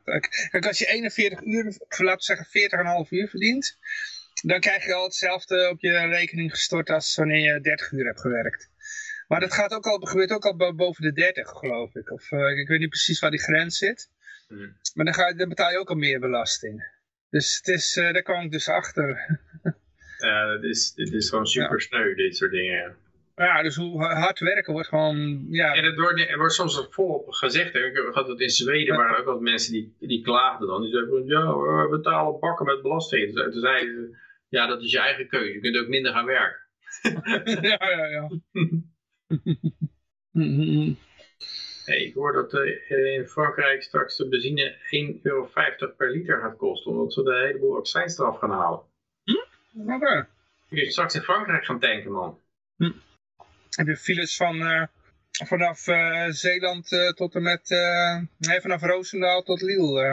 je zou wel zeggen dat, dat Nederland toch wel een beetje mee moet dan op een gegeven moment. Ja, nou, nee. We hebben het verleden ook al over gehad. Dat, maar het was verleden was het ook zo met heel veel producten. eh, heb ik toen ook al eens in de uitzending benoemd. Dat je eh, uit Duitsland en België, daar was alles van goedkoper. Maar Rutte die, eh, die wilde maar niet die btw verlagen, weet je wel. Hmm. En dan ging hij wel volgens klagen dat iedereen bij de concurrent boodschappen ging doen in Duitsland en België. Ik geloof dat er wel, wel 20% van de mensen over de grens ta- tankten in Nederland, over in Duitsland tankten. Dat is een enorm, bedra- enorm aantal. Dus, er zijn denk ik zelfs mensen die, die zeggen van, nou weet je wat, ik maak er een dagje uit van. Dan hebben we er toch nog wat aan, eh, aan het reizen ook. Dan, eh, ja, Hm. dan rij je een uur naar de grens toe en, eh, en een uur terug. Maar nou ja, gaan we in Duitsland shoppen of zo. Kopen Nee, ik, ik, ik ken in Amersfoort inderdaad iemand die, die gaat regelmatig naar Duitsland. En dan heeft hij zo'n heel lijstje. En dan zegt hij ook van nou, dit, dit, kost veel, dit zijn allemaal dingen die goedkoper zijn in Duitsland. En hij is ook libertariër. Hij zegt, wil je ook wel mee belasting ontwijken? Dan, ja, dan haalt hij bijvoorbeeld dingen zoals vlees en zo. Ja, ik heb zoiets van...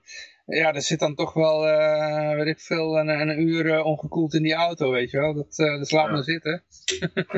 Ja, dan moet je eigenlijk een soort vriezertje erbij hebben of zo. Ja, hij heeft wel een coolbox, maar daar geloof ik niet zo in. Dus, ja, maar goed, hij is dan ook niet ziek geworden ervan. Maar, ja, Ja, ik denk als het, zeker als het gevoor, bevroren is als je het koopt, dat het al Ja. mee... maar dan kun je daarna niet meer opnieuw invriezen, hè? Nee. Ja, maar ja, hij had heel veel cola. En ik, ik dat weet ik toevallig, die Turk hier, die, eh, die heeft ook, ook eh, flessen uit, eh, uit Duitsland. Dus die kun je hier niet inleveren. Ah, Oké. Dus eh, ja. Die ze- dus die, eh, die kruidenier hier, die haalt zijn cola ook gewoon in Duitsland. Ook de lege flessen weer naar, uh, naar Duitsland brengen dan. Eigenlijk wel, maar hij, hij, hij, accepteert ze niet. Dus je kan ze bij hem niet inleveren. hij verkoopt ze wel, maar accepteert ze niet. Nee, ik denk, denk dat ze daar een ander statiegeldsysteem hebben. Ik weet het niet. Oh. Maar ja, goed. Um, even kijken of nog wat in de chat gezegd is. Uh, ja, de propagandagroep Media BV, ja. Dat is uh, waar, waar het geld in gestort is. Ik denk dat het nog met Jeroen Pauw te maken heeft, van waar ja. kan die heen? Hm. Volgende bericht, campings gefrustreerd doordat Nederlandse toeristen constant auto opladen in badkamer. In badkamer? Dus dat gewoon met een, met een snoertje door het badkamerraam. Ja, ja. ja. ja, dat is... Dat is Goedkoper dan de laadpaal. ja.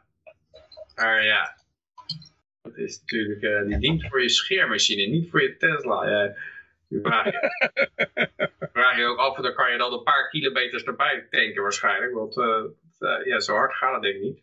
Nee, nee, nee. Maar ja, dat gaat natuurlijk dan in de prijs vereffend worden. Ik denk dat, er gewoon, dat hij dan een hele nacht daar staat te laden of zo.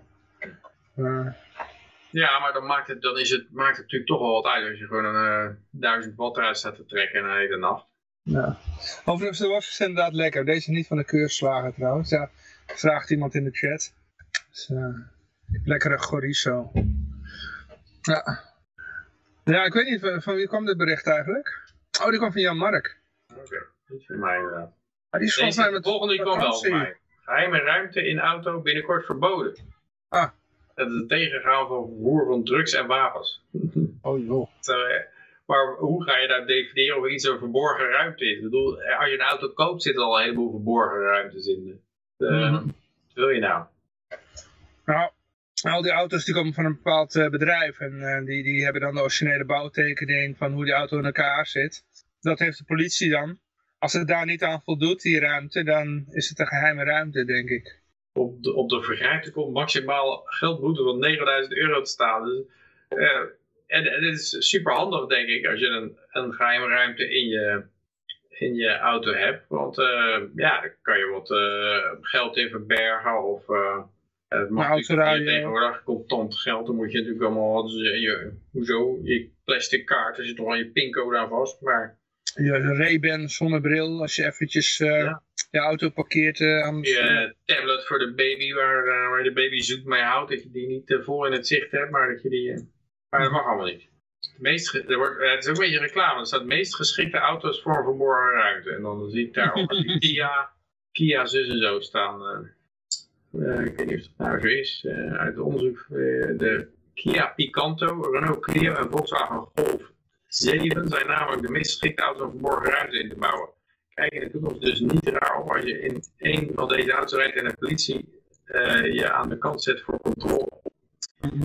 dat niet gek worden, dus de mensen allemaal van de weg gaan plukken om te kijken of we verborgen ruimte in de auto hebben. Ik zou zeggen, neem een staat, staat daar meer. Hey, als je nou zo'n boek hebt, waar ik een volle ruimte een boek.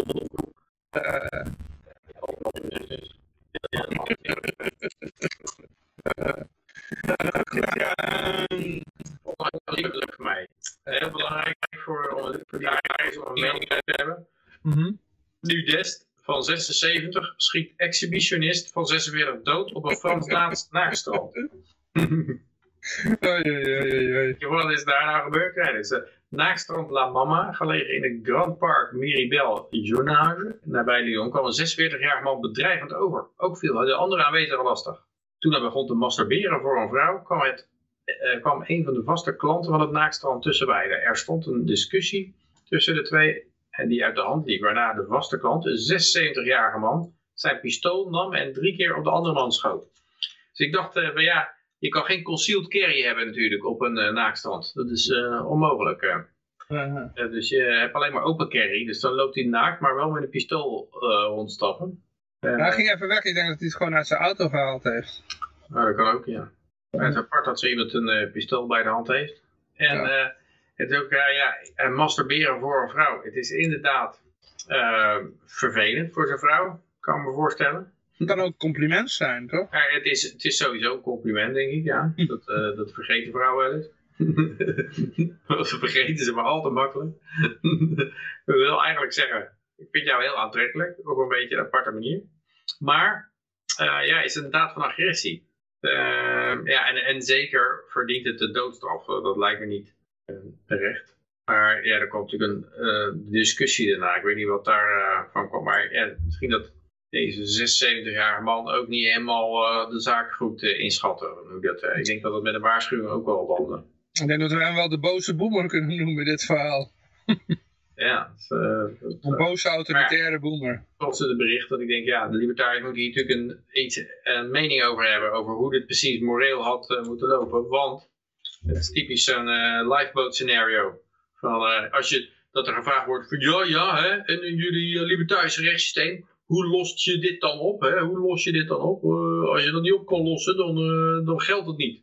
Terwijl ja, hoe lost de staat het op? Uh, weet ik veel. Die, ik weet niet wat, of die man vrijgesteld is. Of. Was hij waarschijnlijk ook helemaal doodgetaserd of zo? Of er was een, een politieagent met een, een knie boven hem op gaan zitten. Ja. Hangt er natuurlijk vanaf welke huidskleur hij had. Maar, nou ja, het is, bedoel, de concurrentie is niet zo, zo moordend meer met het staatsrechtssysteem. Die gewoon op jongens op een tractor schieten die geen enkele bedreiging vormen worden. Ja. Nou, ik, ik, ik, was er ook niet bij, maar ik denk inderdaad dat je met vuurwapen op hem gaat schieten. Dat, uh, ja, misschien was die man heel gespierd of zo, dat kan ook nog. Maar ja, dan denk ik dat die vrouw het niet erg vond als hij dan voor hem stond te masturberen. maar, ik denk eerder dat dit een man met een buikje was. ja, dus, ik denk dat, dat uh, je hoeft ook sowieso als een gevaarlijke situatie, denk als het een ongewapend iemand is, hoef je een masturbeerder, mm -hmm. hoef je ook geen drie keer, je hoeft niet doodschieten of zo denk ik. Als je, het lijkt me dat als je alleen met een pistool komt, dat het al... Als je, en als, als die daar niet van onder de indruk is, als je dat één keer schiet, dan... Uh... Ik denk dat die man die, die masturbeerde, dat hij gewoon betere argumenten had dan die boomer. Ja, zou kunnen. Die boomer die, werd zo, die kreeg een rood hoofd, weet je wel. Dat boomers vaker hebben als ze een discussie niet kunnen winnen. En dan, uh, ja, dan, dan worden ze gewelddadig, weet je wel. Die man die masturbeerde, die zei waarschijnlijk, ja, ze vroeg erom. Ze zat hier gewoon in een blootje. Of, ja, ik kan ook zeggen, ik doe toch niemand kwaad. Dan zie je toch geen slachtoffer te bekennen? En dan zeg je, wacht maar, ik ga een eh, slachtoffer maken.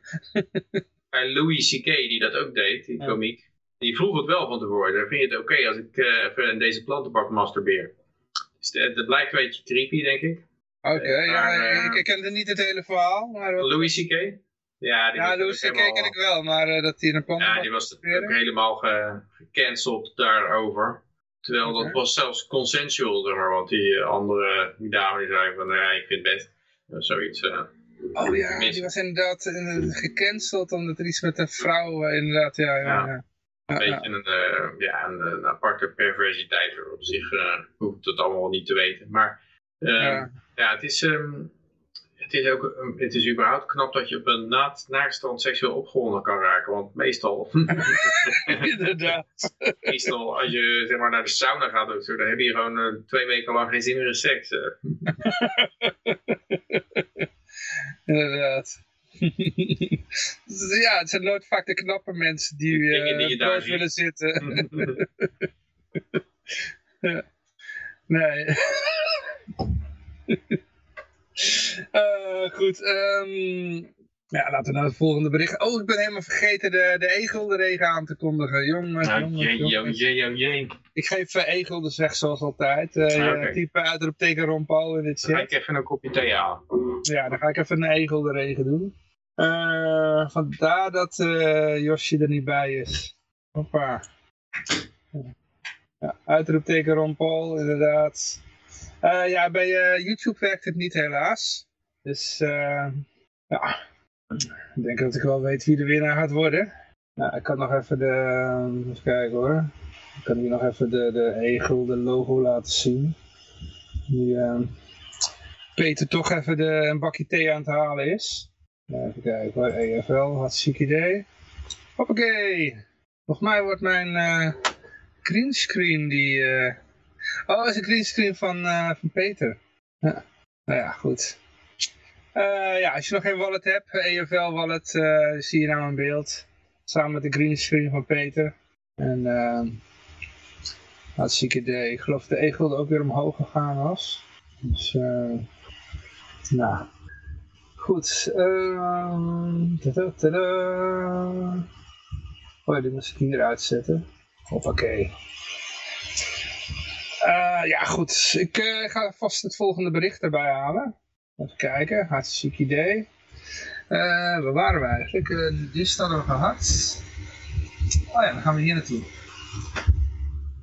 Hoppakee. Wat de fuck is dit? Um,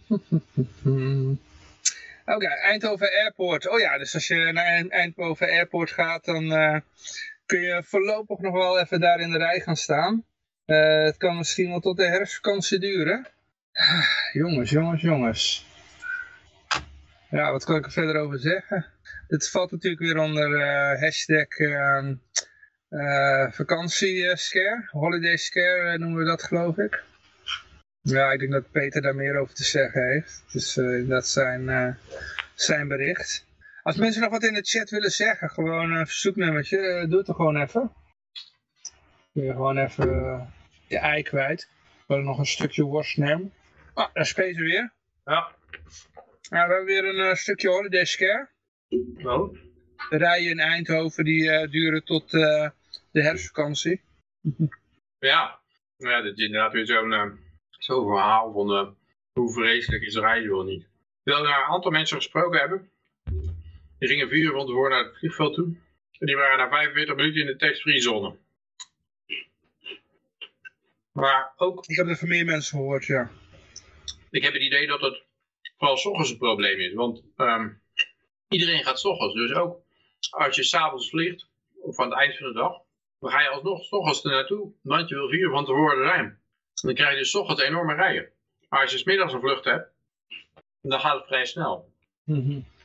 Oh, dan vraagt iemand in de chat van, wat is dit? Uh, ik denk dat hij bedoelt met dat uitroepteken Ron Paul of zo. Of de e-gulden, of... Uh...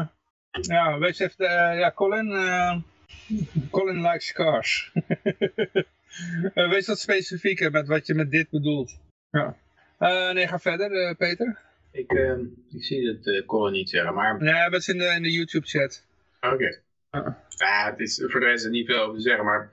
Ehm, ook luchthaven Schiphol van moet voor het kabinet het maximum aantal vluchten omlaag brengen van 500 naar 440.000. In Eindhoven is Krim niet aan de orde. Maar ja, je ziet een hele lange rij staan inderdaad. Helemaal van de parkeer, helemaal zichtzaggend van de parkeerterrein naar de, naar de airport. Ja, ja, het is de bedoeling dat dit mensen afschrikt, denk ik. Ja, uh, Colin die wil weten het hele programma wat we doen. Ja, Vrijde Radio. Ja, we bestaan tien jaar uh, vandaag, dus uh, vandaar dat het zo leeg zijn. Normaal zijn er meer mensen. maar ik, uh, ik zie me nou te binnen Jan Mark die is op vakantie natuurlijk, hè. Ja. en Josje die, die is al een paar jaar op vakantie. Dus, en met pensioen. met pensioen. Ja, met pensioen. Hè? Of, uh, hij, hij, is ergens in de dertig, hè? maar hij heeft zoveel bitcoins dat hij, uh, ja... Dat hij op één, dat hij op één pit kookt. En, hij is inderdaad op zijn 35ste op vakantie, uh, met pensioen gegaan. Ja, even, even Colin, ja, we zijn vrij de radio en we ouwe hoeren gewoon een beetje. En uh, we kijken geen nieuws, geen tv, maar uh, we moeten toch een beetje op de hoogte blijven. Dus we willen niet wereldvreemd zijn. Dus daarom nemen we gewoon uh, één keer in de week even het nieuws door. En dan, uh, nieuws ja. een beetje op de crawl meestal. Ja. ja, we moeten wel om kunnen lachen natuurlijk. Hè? Anders is het niet leuk meer.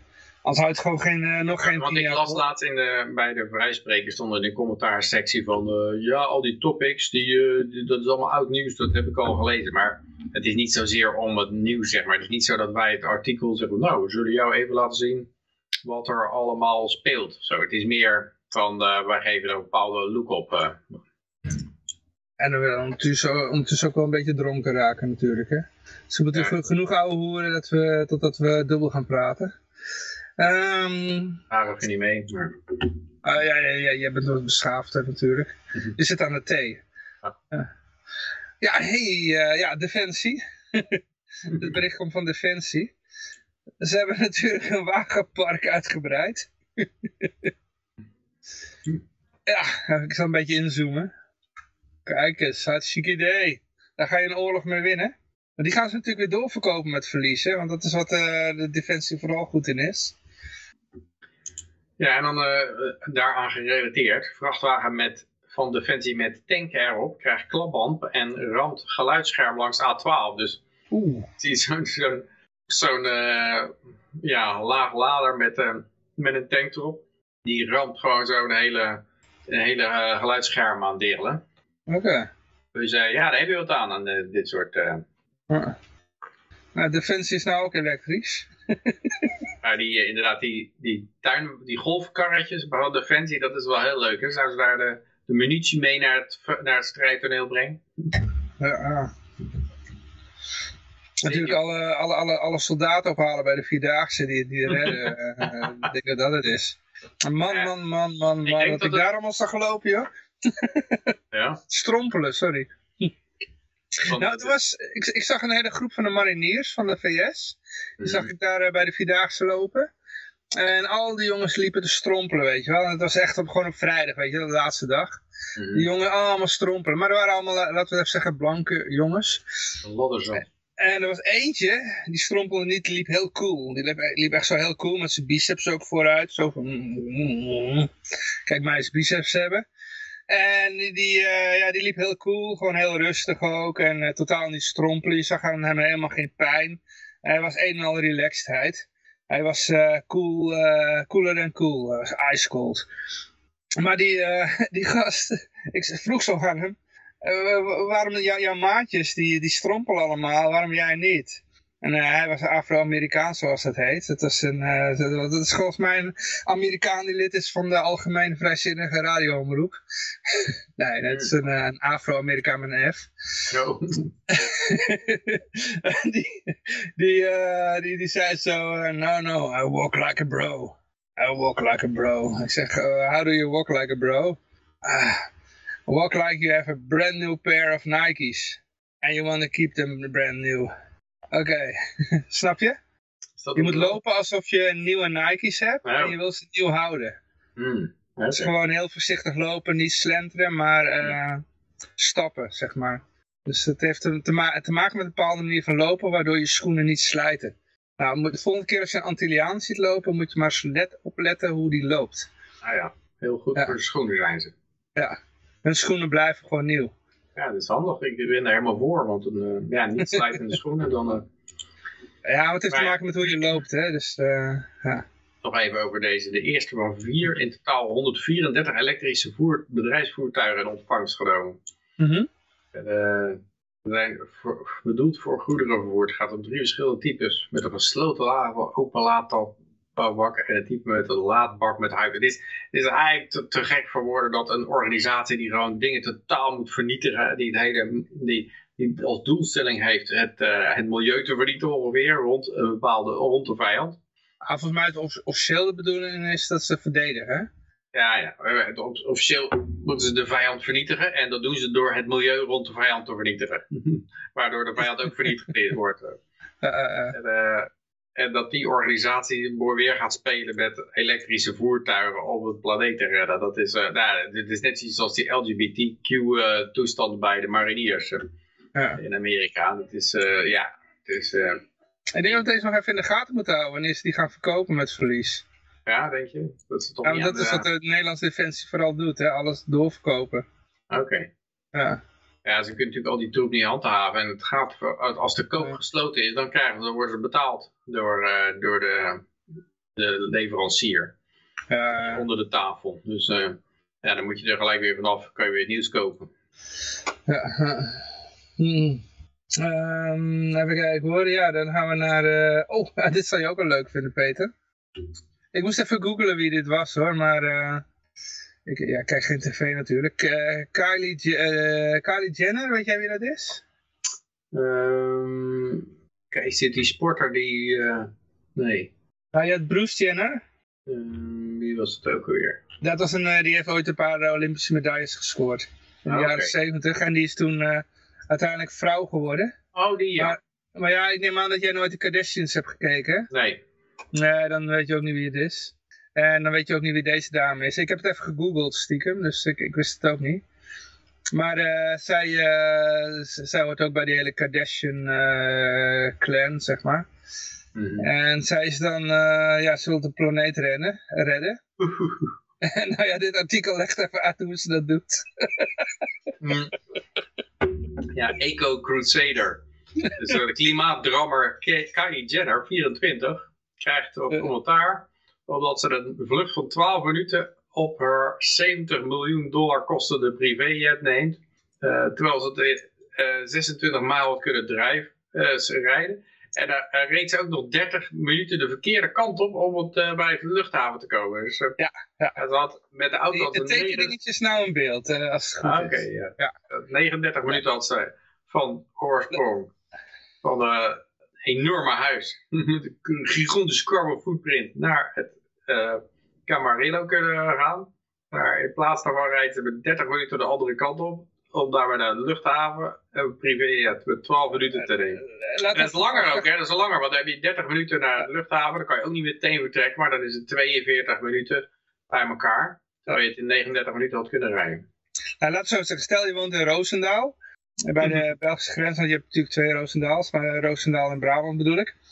En je wil naar eh, Brussel toe, dus jij vliegt naar Rotterdam Airport om daar jouw eh privéjet te nemen. Om van daaruit naar eh Zaventem te, te vliegen. Waar je van ook weer een pokken eind naar Brussel en uh, heel lang in de file moet gaan zitten. Terwijl je het ook gewoon, ja, laten we zeggen, met de trein had kunnen doen of zo. dan zit ze ook in de, in de luchthaven. En dan neemt ze een selfie met een facemask op. Dat ze daar alleen zit. Oh man, dan ben je echt, eh, oh god. Als ik dit Maar het staat hier wel, dat een likely-.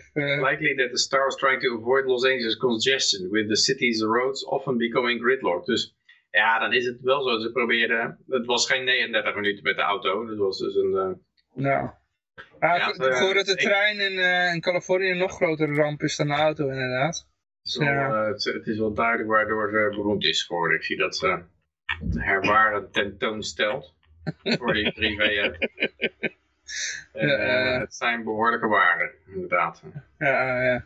Er is inspiratie opgedaan, opgedaan bij Kim, denk ik. En het is ook knap dat zo iemand dan dit niet kan voorspellen, zeg maar. Dat, dat je daar commentaar op krijgt. Dat je gewoon selfies gaat lopen nemen voor je privé. Nou ja, ze, weet nou, eh, ze, heeft wel in weten te breken nou in de vrije radio. Want eh, hiervoor is haar naam nooit genoemd. Dus, eh, dus ze heeft weer wat aan branding gedaan. Daar gaat het toch om?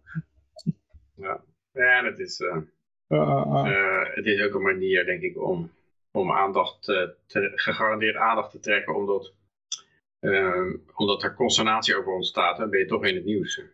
Ja. Het is een mooie jet ook. eh. Het is, het is een jet waar je... eh, het is niet zo'n... eh, Die heeft dat waar- bericht gesponsord, hè? zou ook kunnen, maar ik zie er 1, 2, 3, 4, 5, 6, 7, 8, 9, 10, 11, 12, Peter, als de bitcoin weer omhoog gaat, dan kan jij die ook kopen. 14 raampjes in zit of zo. 15 raampjes. Dus je hoeft niet, eh, er is voldoende ruimte voor wat vrienden ook nog. Ja, ja, ja. Ik denk dat jij die de volgende keer gaat kopen. Ja, ik denk het ook. Ja. ja, 20 miljoen, maar het punt is, eh, het punt is niet die 20 miljoen, die leg je natuurlijk zo neer. Oh nee, het is 70 miljoen. Het punt is die brandstof ervoor. Die brandstof, die is niet te betalen, man. Eh, Oh, maar John. Kerry, John Die Kerry. ja, dat is ja. ook zo iemand, hè. hartstikke idee. Als we het dan hebben over klimaatdrammers die in jets vliegen. Allemaal dezelfde week Ah, ook. John Kerry's family private jet emitted over 300 ton carbon eh, koolstof sinds Biden took office. Dus eh, Kerry is naar Berlijn gevlogen om de Sint-Petersberg Climate Dialogue mee te maken. ja, dus het is gewoon te gek voor woorden dat dat soort mensen allemaal eh, inderdaad, dat, dat niemand dat ook, ook vreemd vindt.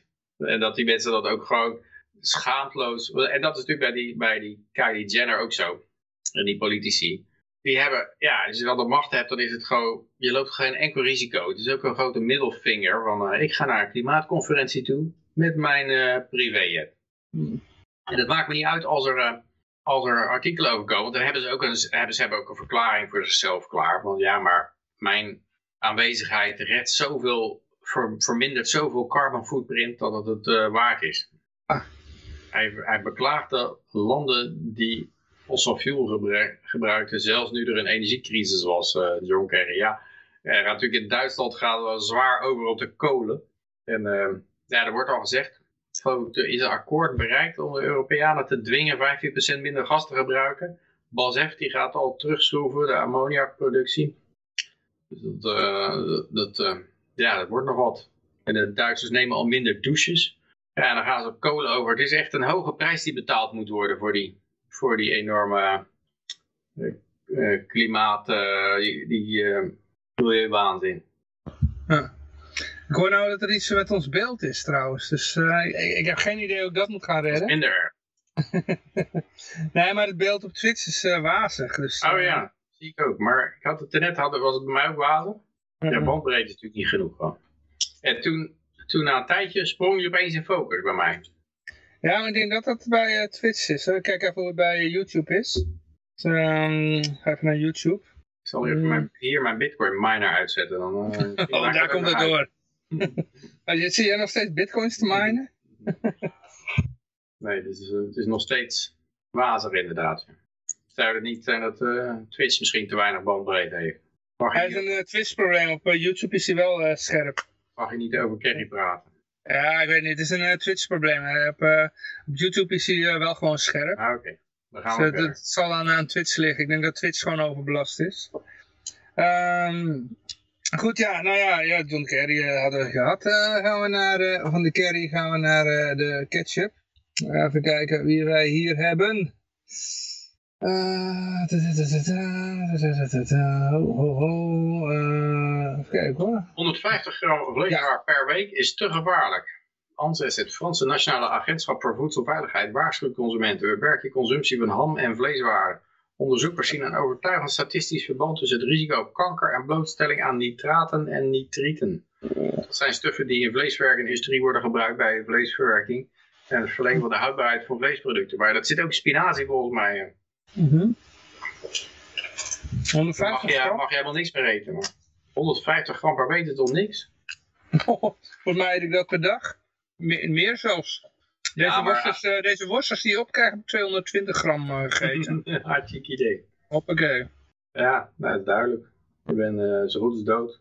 Oh jongens. Oh. Maatregelen. Het minder bewerkt vlees eten verlagen de kans van op darmkanker van 6 naar 5 procent. Ja. Heb je, heb je 6% kans op darmkanker? Zoveel eigenlijk. Volgens mij sowieso al die, alles behalve huidkanker is gewoon uh, erfelijk bepaald. Dus die, die, die krijgt sowieso die kanker omdat het erfelijk bepaald is. Je kunt alleen accelereren, eerder krijgen doordat je, door je leefwijze. Ja, bij dit, soort, bij dit soort dingen zijn oorzaak-gevolg ook altijd heel vaag natuurlijk. Want wat ze mhm. dan doen is een correlatie bepalen. En dan zeggen ze, oh kijk, de mensen die minder vleeswaren eten, die hebben ook minder darmkanker. Maar het kan best zijn dat mensen die... Uh, Steve Jobs dan, die, die, was vegetariër. Ik bedoel, uh, waar is die aan dood gegaan dan? Oh, darmkanker, ja. het gaat er even om, ja dan kan je zeggen dat is een, een outlier, maar statistisch is er, er wel degelijk een verband. En dat kan er, kan er ook mhm. zijn dat er een statistische correlatie is, maar het kan best zo zijn dat mensen die slechte darmen hebben, dat die meer zin hebben in vlees eten, omdat dat gewoon makkelijker te verteren is. Maar dan krijgen ze ook, dan, dan krijgen ze ook meer uh, darmkanker. En dat, dat is natuurlijk, uh, dan heb je een onderliggend iets, slechte darmen, dat zowel darmkanker uh, veroorzaakt als een zucht naar vlees eten. Ja. Maar dan heb je niet verklaard, dat, dat, dan wil het dus niet zeggen, als jij met als jij minder vlees gaat eten, dat je minder kans op darmkanker maar hebt, want je hebt nog steeds je slechte darmen. Maar volgens mij is wit brood veel slechter voor je, als je, voor je darmen. Zeker als je slechte darmen hebt, dan, uh, dan werkt dat als een kurk in je darmen, zeg maar. En dat, de, dat veroorzaakt dan heel veel uh, aanbijen en dan... Uh, zou kunnen. Dat maar de echte manier om zoiets te, te doen, verantwoord, is een, een hele populatie mensen te nemen sommige uh, de helft in twee groepen op te splitsen. De helft verplicht ja. vleeswaren eten en de helft niet. En dan kijken hoe dat eindigt. Ja, dan, dan, heb je een, maar als je gewoon alleen maar gaat kijken van uh, oh, mensen die darmkanker kijken, ga ik vragen hoeveel vlees ze eten, dat weet je niet. Hm. Want je kan zelfs een correlatie zien tussen het hebben van darmkanker en het gebruik, eh, gebruik van chemotherapie. En dan kan je zeggen van, oh, mensen die chemotherapie gebruiken, uh, je moet gebruik geen chemotherapie, want het, uh, dan heb je vaak, uh, dat, dat correleert met darmkanker. Maar ja, dat zijn natuurlijk mensen die dat juist doen omdat ze darmkanker hebben. Maar het is wel zo, als je alleen, alleen maar vlees eet, dan krijg je wel van die, ja, wat even, even onfris, het wordt nou even onfris, maar van die, van die hele dikke harde drollen. Mm -hmm. Dat is ook niet goed voor je darmen. Oh. Als zeg, daar, daarom eet ik ook altijd groenten bij mijn vlees, hè. Vezels. Jij bent echt een gezondheidsfreak, zeg maar. Nou ja, ik, ik, ik hou ook, ik hou van mezelf, dus ik hou ook mijn darmen goed, zeg maar. Hè? Dus ik eet altijd wel veel groenten. Dus, eh, ja. En de groente kan ook lekker zijn bij je vlees, als je de juiste... eh, eh, sorry. Als je juist... Jezus, dan sla ik mijn eh, microfoon in elkaar. Als je de, de juiste eh, groente bij je vlees hebt, weet je wel, dan eh, kan het heel lekker zijn. Zeker. Ja. Maar je merkt dat, eh, ik zie het bij mijn eh, dochtertje ook, dat vlees is dan het makkelijk gewoon. Hè? Het is makkelijk, er zit veel energie in, het is lui eten eigenlijk. En eh, Ja. dan zie je dus als je bijvoorbeeld een bosbessen en een stukje worst op een schaaltje legt, dat de worst als eerste wordt opgegeten. Terwijl ze bosbessen ook wel heel lekker vond. Mhm. Maar worst, dat is dan, het is natuurlijk heel smakelijk ook, maar het is ook, ehm, ja, het is ook makkelijk te verteren en, en energie Ja. om te zetten. En, en apart, planten, zijn veel moeilijker. Kinderen, nou sowieso mensen in het algemeen, die gaan vaak voor zoet. Want dat geeft in je hersenen een, eh, grote belo- grotere beloning. Ja, suiker is ook zoiets. Het is makkelijk eten, suiker. Eh, Mhm. Suiker en vet is eigenlijk gewoon eh boem boem, klaar. Heel veel energie in heel weinig tijd. En daarom zie je dat, ja, dat kinderen dat het daar het meest naartoe graviteren. En niet iets met enorm veel vezels erin of zo. eh, waar, je, ja, waar je heel veel, je darmen heel veel werk voor moet doen. En platte cellen verteren of zo. Dat eh, je heel veel kauwen, heel veel eten. Dan krijg je nog maar heel weinig energie. ja, ja, ja. ja. Maar ja, goed, ja. Daarom zeg ik ook altijd van, eh, nou goed, ja, het- wie ben ik? Ik neem gewoon van alles lekker een beetje. Volgende. Putin warns West current world order is over and new era is coming. Ik heb dit Newsweek artikel niet gelezen. Ik ook niet, ik, ik weet eigenlijk niet eens waarom ik het erin gegooid had.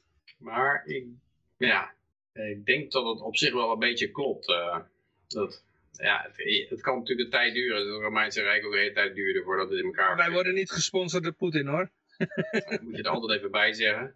Hoewel ik het oneens ben met de ban, denk ik dat hij hier wel eens een punt kan hebben. en eh, ja, het is natuurlijk, je ziet dat Duitsland al enorm, er zitten enorm zwakke punten aan eigenlijk. Die, eh, eh, ja, aan al die satellietstaten rond de VS. En dat zie je nou eigenlijk al een keer komen met die dollar. Dat eh, al die periferie landen dan in de problemen gaan komen. En je ziet de Japanse yen inklappen en de euro. En dat levert allerlei problemen op. En Sri Lanka en Turkije en Egypte waarschijnlijk ook allemaal rem. En eh, ja, Rusland is nou het enige land eigenlijk die er een beetje buiten zit. Die hebben geen dollarschuld, die hebben goud, die hebben olie, die hebben eh, gas, ze hebben, ze hebben energie, voedsel en geen De schuld. Doet het ook goed hè. Ja, en ik denk dat ze hebben gewoon een hele sterke balans waar, waar, waar je eigenlijk niet... Je kan er geen economische oorlog tegen voeren, denk ik. En sterker nog, zij kunnen heel goed een economische oorlog andersom voeren. Het is heel makkelijk om, om Duitsland gewoon uit te schakelen. En ehm, ja, ik heb het idee dat ja, het enige wat het Westen daar tegen kan doen is echt Rusland binnentrekken en echt eh, gaan, gaan lopen veroveren. Maar dat wordt natuurlijk heel moeilijk als je een kernwapen, eh, kernmacht hebt.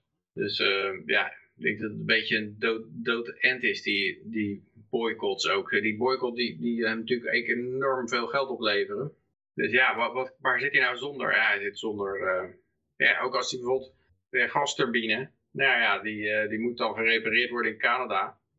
En eh, die willen ze dan niet terugsturen. Dan zeg je, oh ja, dan krijg je geen gas meer. Dus even nadenken. Oké, maken we uitzondering. Sturen toch de dingen terug. en dat, ja, je bedenkt gewoon, je hebt geen onderhandelingspositie. Je kan maar, eh, je kan maar beter niet vijandig zijn. En, eh, en een goede relaties zoeken. In ieder geval handelsrelaties. Dan dat je een, een gevecht gaat zoeken met een, met een club waar je eigenlijk niet van kan winnen.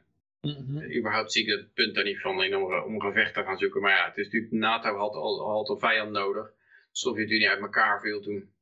Toen eh, waren ze een vijand kwijt en een tijdje die moslimterroristen gehad. Maar dat lukt toch niet, eh, lukt niet goed, denk ik. En nou zijn ze maar weer terug naar, naar wat ze gewoon vaak nog de KGB en de Sovjet-Unie noemen. Alsof er niks uit elkaar gevallen is. Dus eh, ja, ik denk dat dat hele verhaal van allerlei militaire basissen daar omheen zetten. Dat is denk ik toch wel de bedoeling dat je dat het vijandsbeeld... Ja, Rusland heeft natuurlijk zelf gevraagd, of Poetin heeft ook gevraagd, om toetreding tot de NAVO. Zij willen, zij, wilden, zij willen liever toenadering, maar ja, dat, uh, dat was dan niet mogelijk. Maar als je die toenadering had geaccepteerd, dan had je volgens mij nou helemaal geen probleem gehad. Dan was uh, Oekraïne niet binnengevallen, dan uh, je gewoon gezellig handen gedreven met elkaar. Wat natuurlijk altijd het geval is bij, je ziet het, je ziet het ook bij, bij Duitsland toen, dat, ja, dat ze gaan het helemaal kapot boycotten. Ja, dan krijg je daarna de oorlog. Wat denk je van de theorie dat um, na de uiteenvallen van de, van de Sovjet-Unie, dat al die uh, KGB'ers, die hadden eigenlijk niks meer te doen. Want ja, het Rijk was uiteengevallen. Mm -hmm. Of ja, de Sovjet-Unie was uh, verleden tijd. Andere kant op. Ja, dat werkt ook wel. Die zijn allemaal naar het westen gegaan en die oh. zijn heel veel zijn ge geïnfiltreerd in die vredesbewegingen. En die, uh, want daar zaten ze al, hadden ze al hun connecties. Ja. Weet je wel? Uh, want die vredesbewegingen werden toen ook vaak uh, gesponsord door, uh, door de Sovjet-Unie, want zodat er geen kruisraketten zouden komen, weet je wel. Hm. Dus ze hadden al adresjes in, in Europa.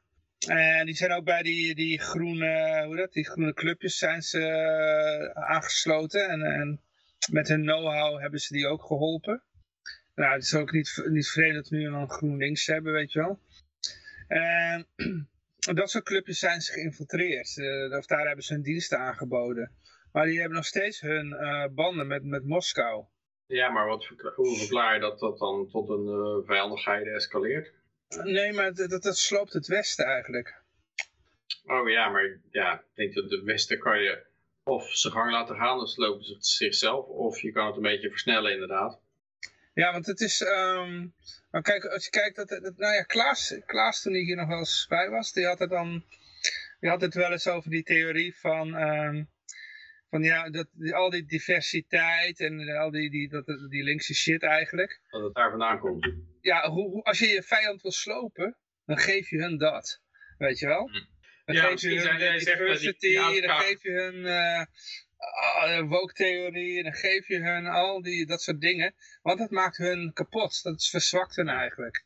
Ja, ja. Het, uh, het is, origineel is het ook marxisme, hè? Dat, uh, ja. Die hele critical theories, dat is allemaal marxistisch. Ja. Alleen was het... Het is hier, ooit hier gebracht door de Sovjet-Unie. Gebaseerd op klassenverschillen. Ja, ja. En, en nu is het zeg maar meer naar rassen rassen en uh, seksen. En uh, ja, ja. hebben er een paar likjes sperf over gegeven. Ja, en nu, nu, nu lijkt het alsof de Sovjet-Unie dood is. Dat het bestaat niet meer.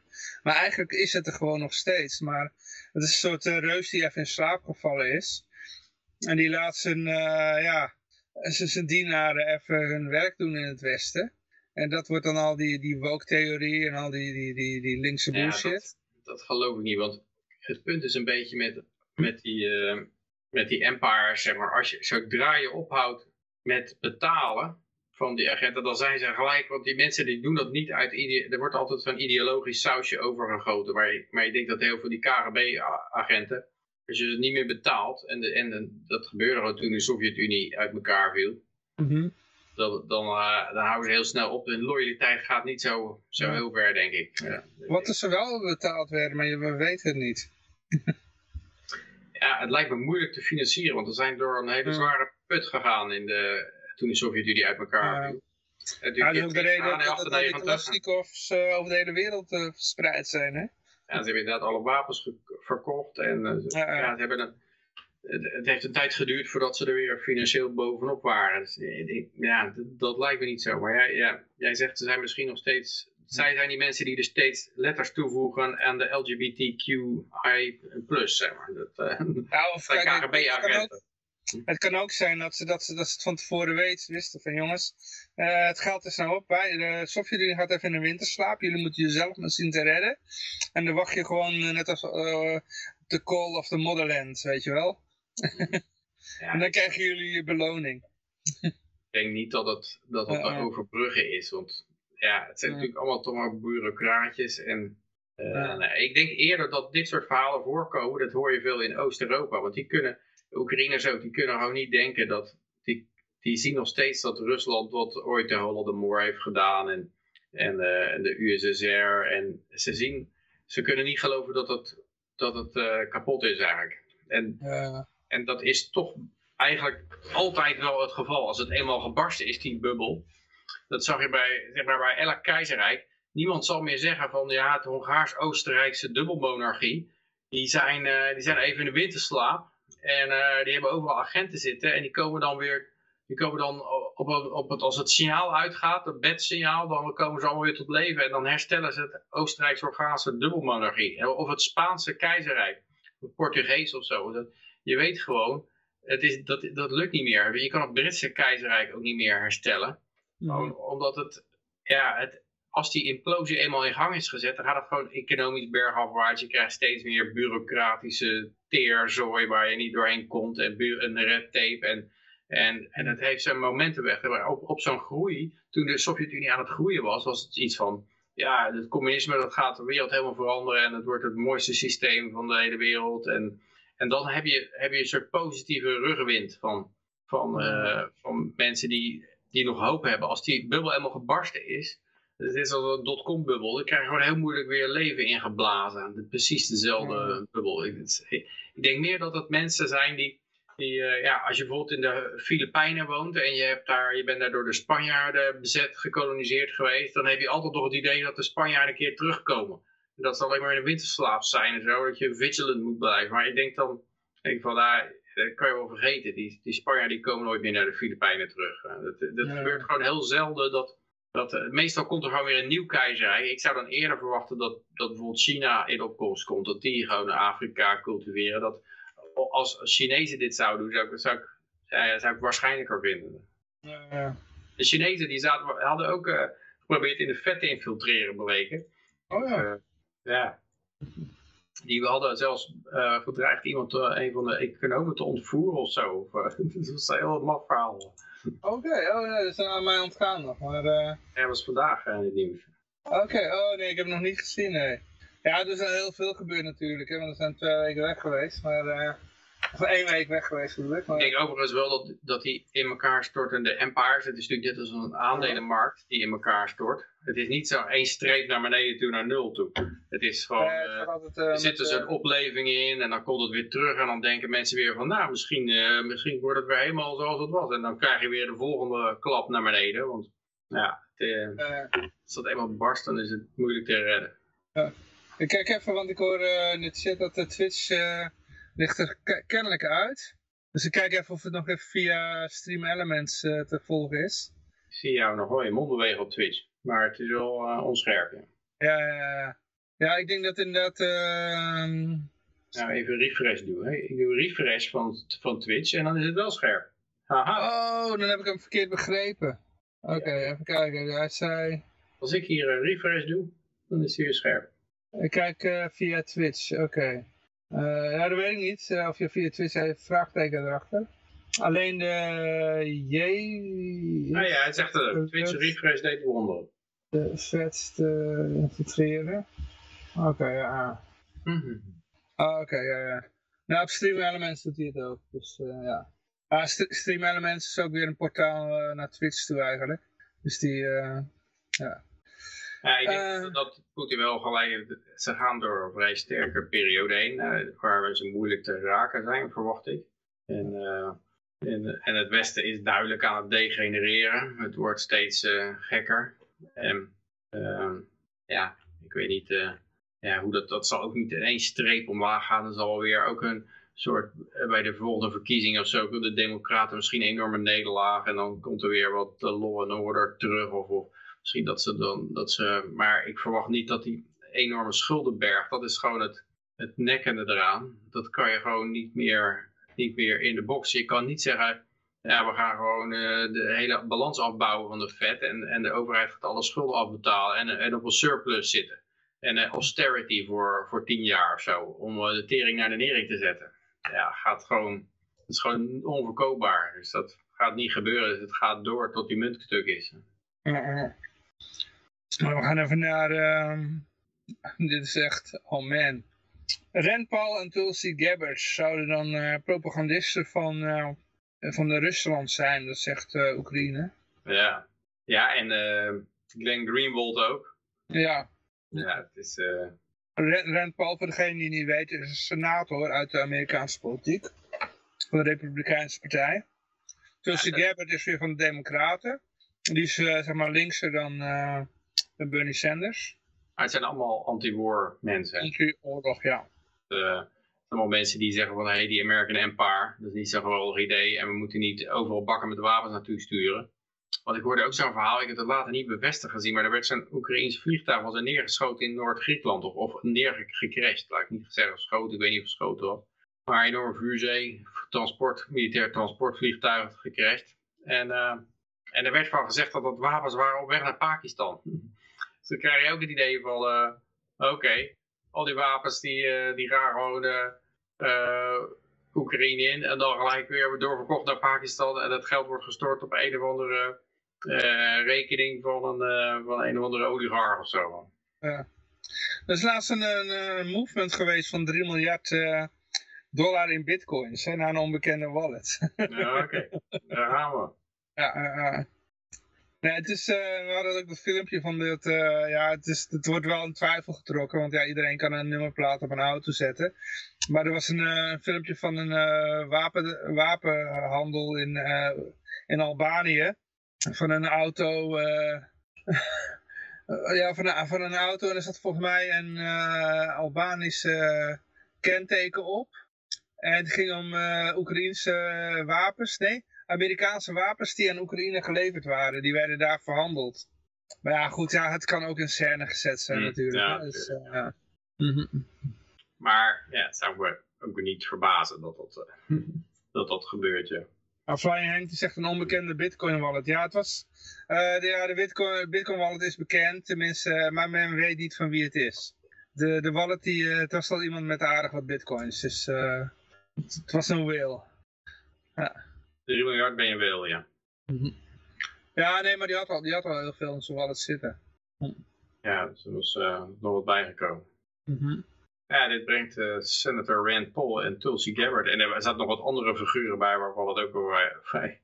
Er was zelfs eentje die had, was, had gepleten, gepleit dat er enorm veel wapens uh, naar de Oekraïne gestuurd moesten worden. Maar toen had hij een keer, wat had hij nou gezegd? Ja, had ergens iets, iets verkeerd gezegd waarom die ook opeens op de blacklist was gekomen. Dat ik wel, huh? Ja, dat is ook vreemd dat de, de, hier staat iemand die zegt, dat is ook vreemd dat de Pope, Henry Kissinger, Noam Chomsky, Jeffrey Sachs, Stephen Walt, Barry Posen er niet op staat. Want de Pope die had ook gezegd van ja, het is waarschijnlijk uitgelokt. En Henry Kissinger zei je moet zo snel mogelijk gaan onderhandelen over vrede. Noam Chomsky zei ook van de, ja, de Amerikaanse oorlogsmachine is out of control, zoiets. Uh, dat zegt heel hele tijd, maar terecht. Um, maar die staan niet op de lijst? Maar die staan niet op de lijst, ja. En er staan wel lui op ook. Um, ja, ik weet niet welke figuur dat was, maar die was inderdaad de hele tijd voor enorme berg wapens geweest, maar hij had wel een keer gevraagd van misschien moeten we, misschien moeten we iets uh, regelen om te kunnen kijken waar het allemaal naartoe gaat precies. Of zo. Dat, dat was al, uh, nou we hebben gelijk een Russen propagandist. Je wilt ze wel naar Pakistan kunnen doorverkopen, dus. Ik geloof dat Noam Chomsky had laatst ook weer goede uitspraken gedaan. En dan weet ik niet meer welke podcast het was. ik had de podcast zelf niet gehoord, maar ik had een korte samenvatting gehoord van, uh, van een podcast waar hij in uitgenodigd was. Hmm. Dus ja, ik, ik, ben normaal niet altijd eens met Noam Chomsky, maar dat is wel duidelijk natuurlijk. Maar soms zegt hij wel hele goede dingen. Ja. En die, dit was inderdaad in, in verband met het uh, hele Oekraïne-conflict en eigenlijk waar we nu in zitten. En de, de, de, dat, ja, de state is out of control. Dat was een beetje het korte samenvatting van wat hij zei. Ja, ja en het, wat ik laatst hoorde is mhm. dat uh, een of andere Amerikaanse Secret Service figuur of zo, CIA, die zei... We are very, very concerned for Zelensky's life. Very, very concerned. en uh, dat werd ook, een acteur, een acteur. Hm? Hoe vinden ze een nieuwe acteur? nou, ja, dit werd op de nieuwe No Agenda show werd al gezegd van, dat betekent dat hij binnenkort doodgaat. Want ze zijn hem zat volgens mij. Uh, oh, dat, kan best wel kunnen, want, want, hij begint maar meer en meer te eisen en uh, het is nooit genoeg. En dan wil hij meer wapens hebben en hij wil uh, blanco checks hebben. En hij, je moet aan de script schrijven. En inderdaad een heleboel Amerikaanse mensen op een op een, op een blacklist zitten en de oppositie verbieden en journalisten oppakken en zo. Dat, um, ja, dat ze gewoon zeggen, ja, nou wordt, hij krijgt een beetje capsones. Het moet wel duidelijk zijn dat de Amerikanen de zaken runnen. En hij moet niet denken dat, hij, dat hij de shots bepaalt. En, ja, maar hij heeft echt geen fuck te zeggen eigenlijk in Oekraïne. Um, Die tweede man van hem heeft meer te zeggen. Daar heeft hij ook zelf over lopen opscheppen. Dat weet ik niet. Ja, dat was een, uh, oh, die heeft ook zo'n moeilijke naam. Maar kijk, het punt is... Dat is een man met een baardje. Hij is een beetje te... Hij wordt een beetje embarrassing, denk ik, als hij, ja. uh, als hij gaat lopen eisen en... Uh, iedereen moet naar mij luisteren en uh, ik kom binnen en iedereen opstaan. Of, dat, zeg maar, het is een beetje, hij, hij, hij is te veel gaan geloven in zijn sterrenrol. En dan is het natuurlijk wel zo dat de Amerikaanse geheime diensten en, en dingen en overheid, die zullen wel iets hebben van, hey, we stoppen je zo weer terug in je box, we ruilen jou zo in voor iemand anders. Uh, geen persoons krijgen. Je moet gewoon aan het script houden, precies doen wat wij zeggen, uh, maar niet, uh, niet meer. En je moet gewoon de hele tijd die Russen een beetje lastig blijven vallen en doodbloeden. maar, dus ik, ik, denk dat, ja, dat daar zit wel iets in, heb ik zo'n zo'n gevoel van, ja... Nou, ik denk, ik denk, dat het echt iemand is die gewoon een dingetje van een teleprompter leest. Hè? Ik denk, als, als er iemand doodgaat, nou. dan zal, zal, niet hij het zijn, zal hij het niet zijn, maar gewoon uh, iemand anders. Nou, ik heb wel, het idee dat het een beetje een narcist, narcist is, die wel heel erg hmm. pleased met hemzelf is. Ook omdat hij in een militaire uniform gaat hij dan als, alsof hij zelf de, door de bossen loopt te troepen. Ja, maar dat is gewoon de, de rol die hij moet spelen. Ja, dat zou, het, zou, het zou natuurlijk ook kunnen dat hij dat... Uh, hij, was ook gewoon acteur voordat hij de politiek ging. Maar, maar het, is, het is ook heel makkelijk, denk ik, om in zo'n rol, uh, als je in zo'n rol komt, om dan... Uh, hmm, om dan... dat hij een method actor was.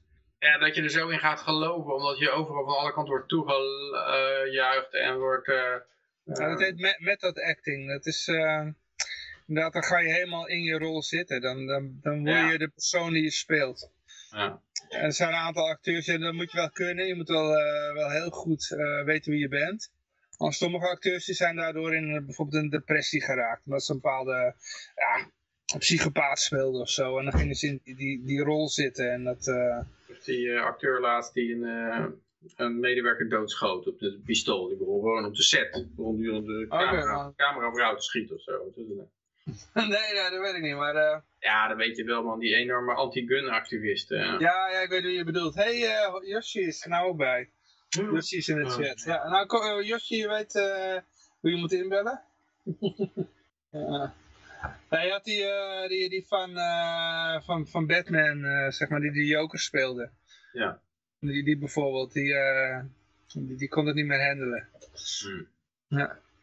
Maar, ja, het is, ja, het is heel lastig, want het is ja. ook ziet het natuurlijk heel vaak misgaan bij al die acteurs. Dat ze, ze, ja, ze krijgen in, in een korte tijd enorm veel geld vaak. En daar moet je ook mee om kunnen gaan. En je krijgt enorm veel waardering opeens over je uitgestort. Overal, overal zijn mensen die helemaal kwijlen en, en, en jou voor afgoden. En na, ik denk dat je na een, een, paar maanden gewoon helemaal het idee kwijt bent van ja, ik ben wel maar een acteur. Uh, toch? Ja, ja. Ja, dat is inderdaad zo.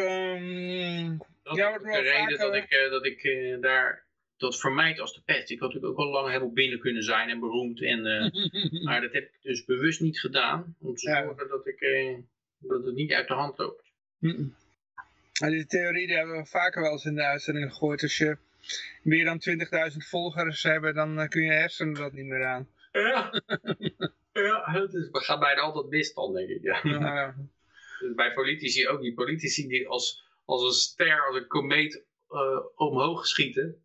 Daar, uh, ja, daar zie je ook vaak mee dat uh, ten eerste hebben ze de hele foute mensen om zich heen. En het gaat op duizenden en één manieren mis. Maar we gaan even naar Sri Lanka toe. waar we vorige week waar we daar blijven hangen. Toen was het presidentiële paleis bezet. Ja, het is net wat, eh, wat, wat, we ooit zeiden destijds met die, uh, die, die Arabische lente, weet je wel. Van ja, dan ga je het hè, ene kooitje uit, het andere kooitje in, weet je wel. Als je niet echt een basis hebt van, uh, ja. van jongens, uh, heersers, dat is geen goed idee.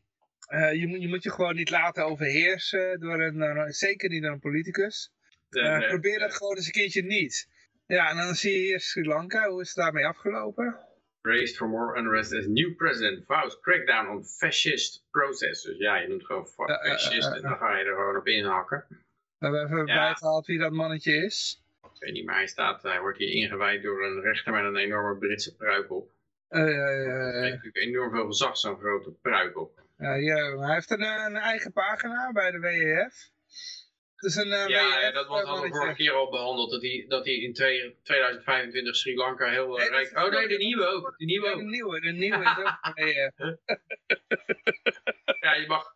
Ik zag wel Engeland ook laatst. Wie wordt de nieuwe Ja. leider van de conservatieven? Je kon kiezen uit vier webmannetjes. Ja, eh, Eh, twee webmannetjes en twee webvrouwtjes geloof ik zoiets. eh, Ja. eh, eh. Oh, Jussi zegt ik, eh, ik smelt hier weg. Oh, die zit natuurlijk in zijn haakje op dit moment. Ja, die gaat natuurlijk... Die gaat nu, nu, nu, nu dit spelen hier voor de camera. Ja, dus met, met een pistool op zijn heup. Nee, maar goed, ja, die, eh, die man die is, eh, die is nou net president. En wat doet hij? eh? er komt hier een, god, even kijken. Oh jezus, weg, weg even met al die kutmeldingen. Ja, ze zijn ook heavily indebted to China, zo eh, blijkt hier dus. Oh, ja. Heb je dan ook nog, die, die regio die heeft zich gewoon helemaal bij eh, China heel veel gratis geld van China aangenomen. En eh, Ja. ja, daar, eh, daar word je ook niet blij van uiteindelijk. Nou, ik kreeg hier ook een digitaal paspoort waarmee je dan kan tanken. Dus eigenlijk een soort, ja, een, een, soort rantsoen eigenlijk. Hmm. Dus aan de hand van je QR-code mag je dan mag je dan een bepaalde hoeveelheid tanken. Dus ja, hey, ja, Yoshi komt erbij. Leuk. Hebben we Yoshi. Yoshi en Senaki waarschijnlijk. Oh jee. Ja. Want, Ja, volgens mij houdt hij het zonder beeld. ah, oké, ik denk dat hij het even zonder beeld doet. ja. Oh, het, het lukt niet om hem in, om in te, om in te bellen, blijkbaar. Internet is oververhit. Ja, dat zou het ook kunnen zijn. 1, 2 test. Ja, ik hoor Ja. je, ik hoor je. Ja, Oh ja. ja, het ging even mis. Je bent wat zacht, maar... eh, Kijken wat er aan de hand is. Of je houdt de, de microfoon dichter bij je snuit, dat kan ook. Nee, het staat eh, af en toe, dan heeft hij met de Skype. Zo, dit is beter. Wow. Ja, hartstikke goed, ja. Ja. Je sound sexy like a motherfucker. Ja, daarom. Ik zal het beeld maar eh, jullie besparen. Want anders dan is iedereen veel te veel afgeleid van al die sexiness. Eh, Hoe is het, mannen? Ik ja, kom net thuis. Oké, ja, hier staat de ventilator aan. Het is op zich hier... Het, eh, de hitte is alweer wat minder, eh, minder erg dan vorige week. Ah.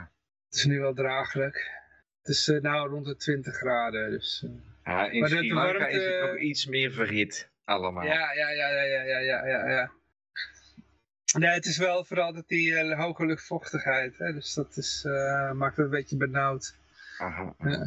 Maar het is niet meer zo ik- erg als vorige Ik week. heb helemaal geen nieuws meegekregen afgelopen week, jongens. Dus ik kan je eigenlijk nergens over meepraten. Ik heb wel van Peter een hele leuke link nog doorgekregen. Nog bedankt, Peter, voor die eh, Twitter-kanaal. Was dat ook weer? Ik ben nou aan het proberen om die jongen een kopje koffie te kopen met eh, 50 miljoen honk. Oh, oké. Oké, dan In een met, cre- ook met honk. Heb je een creditcard voor nodig? Hè? Oh, oké. Me a cup of zoiets. Ja, precies. Er staat nu een open offer voor 50 miljoen honk als iemand hem een kopje koffie eh, koopt. Oh, je kan uh, ook met honk betalen. Nee, ik ben aan het proberen om met honk te betalen. Oh, oké, oké, oké. Ja, ah, ah. Maar goed, ja. Mhm. Ik heb hem ook uitgenodigd voor een show. Ik heb besloten dat ik vanaf 1 september 10 dagen aan een stuk ga opbouwen naar 9-11. En dan op 9-11 doe ik weer een special. Ik weet eigenlijk niet eens wat voor dag dat dat is, 9-11. Dit jaar. september, september, denk ik. Ja, 11 september valt dit jaar op een zondag. Dus Oh, ja. is iedereen vrij. Dus nou ja, dat zijn mijn nieuwtjes. Dan weten jullie dit weer. Ik, er komt ook nog een filmpje morgen. Ik heb, een, eh, ik heb een schildpad eh, uit, uit hout gebeel, gebeeldhouwd. Mm, hij is eindelijk af. Hij is af. Mm. Ja. Ja, ja. Dus nou nog een filmpje ervan maken en dan... eh, ja, niks. Dan niks. Je zal het wel zien. Als het af is, dan deel ik het. Jossi goes streaming again, zegt Eldorado. Hey, Eldorado is hè? Ja, 1 september gaan we beginnen. 1 september. Ah, oké. Maar eh, ja, we waren even in Sri Lanka. Eh, nou ja, goed, het land zit goed in de shit en dan komt er altijd wel iemand even helpen. En eh, ja, World Als je de- Forum to the rescue. nou nee, die, die zitten daar, maar het land zit diep in de shit natuurlijk, dankzij het WEF. En wie komt er helpen? De Economic Hitman, de IMF.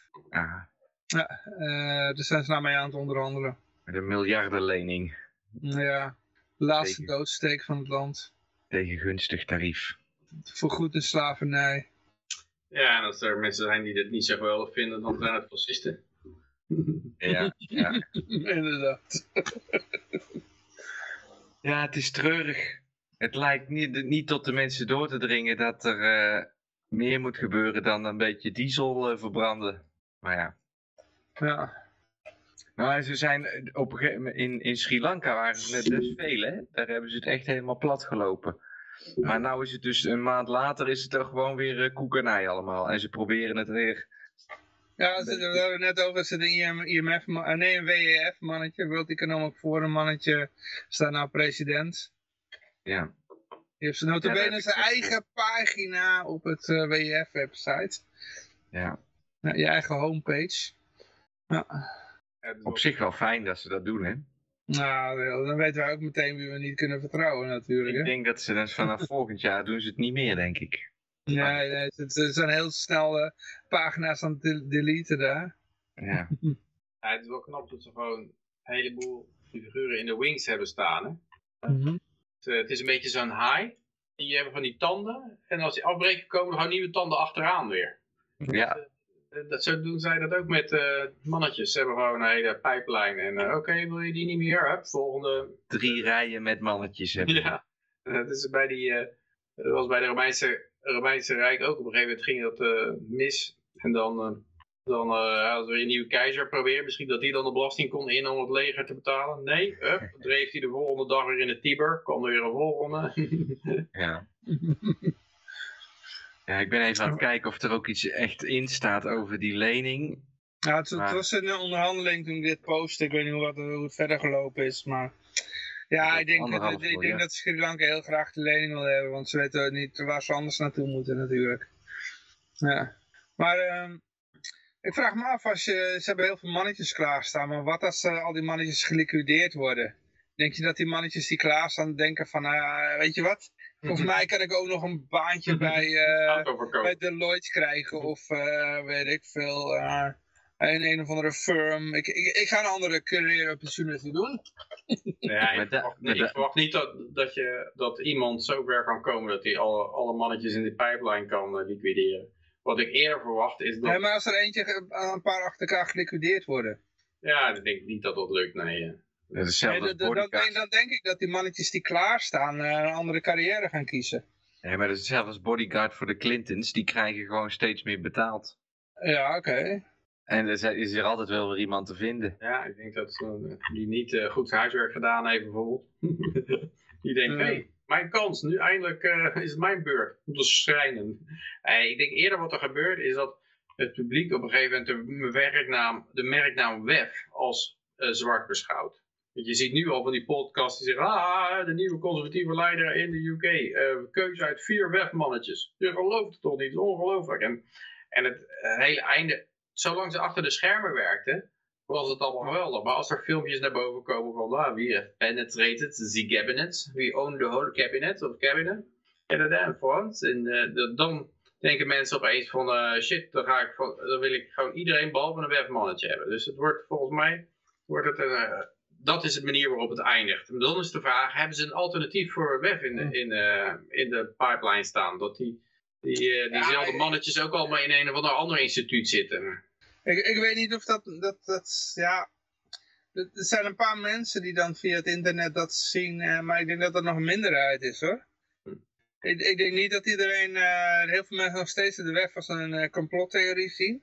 Ja, die- heel veel mensen die zijn er gewoon niet mee bezig. Die, dat is gewoon Ja. niet een deel van hun En leefwereld. die kijken alleen maar naar, je, je hebt echt een enorme hoeveelheid mensen eh, nog steeds die gewoon de tv kijkt. En die daar hun, eh, ja, alles wat de tv zegt, dat is de waarheid. En daar heb je er heel veel van. Ja, Nog steeds. Ja. Maar de, de opinie wordt gemaakt in de fringes van de, de, de Joe Rogan dingen en niet meer bij CNN en bij... eh, Ja, ik denk dat, dat, die hebben wel de massa's achter zich, maar de 10% Ja, maar ik denk weet waar die- die... de- die, slip, die 10% sloop is er nog niet, 10% denk ik. Nee, dat is er nog niet. Ja. Maar de 10% waar die, die weet waar ze het over hebben, Aha. Die zijn veel invloedrijker uiteindelijk. Zijn die, die, eh, ik denk dat, ja, ik weet niet, ik zeg eens dat je inderdaad 10% nodig hebt om de, om de zaak, de, de rest van de schapen over de dam te krijgen. mhm. Eh, en, en zover is het ook nog niet, maar ik denk dat, dat het wel een keer een besmette term gaat worden, de web. eh. Ja, dat wel, dat wel. Op de duur. Nou, ik denk dat het gaat toenemen. Het is in zekere zin al besmet door bijvoorbeeld eh Forum voor Democratie in Nederland. Die er, eh, Ja. Maar in hoeveel landen zouden ze er zo over praten? Ik denk dat het best eh, beperkt blijft. Nou ja, goed, ik weet het trouwens ook niet. Dus. Nou ja, die, die podcast waar ik naar luister, London Calling, van Dellingpol, die, ja, ik weet niet hoe groot dat is, maar die, die, eh, die praten er ook zo over. Dus ik denk dat er een heleboel van die... En, en die podcast juist in de fringe, die trekken de aandacht. Want mensen willen niet luisteren naar een podcast waar ze een beetje middel op de rood gezwam horen, wat ze ook al bij CNN en de NOS horen. Dus ja, het, is wel zo dat de grote massa daar nog nogal naar luistert, maar het is ook zo, er hoeft maar wat mis te gaan, zeg maar, dat, dat eh, een paar webmannetjes, dat die gewoon te maken krijgen met een enorme berg vaccindoden of zo. En dan zeggen ja, wacht eens even, wat is hier aan de hand? Hoe komt het dit allemaal zo misgegaan is? En dan, dan kan het, de bal ook gewoon bij de web in de schoenen geschoven worden. Niet dat, het, dat je daarmee eh, van de problemen af bent, want er zijn nog Bilderberg en Skull and Bones en een hele, heleboel van dat soort shit eh zooi. Eh, maar ja, dit is, dat zou wel even een setback zijn, denk ik. Mhm. Maar eh weer completely eh baffled.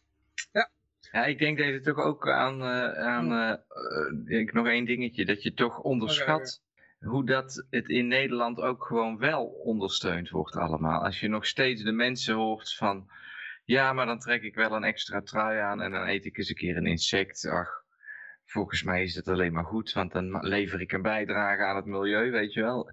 Ja, wat denk je nou dat er in Duitsland gaat gebeuren straks als ze inderdaad in de kou komen te zitten en eh insecten moeten eten? Ik denk dat het draagvlak toch een stuk minder is. Ik denk dat die groenen gewoon een nederlaag tegemoet gaan zien. eh, net zoals de democraten in Amerika. Ja, nou ja, Ik had eh, vandaag iemand eh, op het werk moest ko- ergens koken. Ik, kook voor, voor beroep.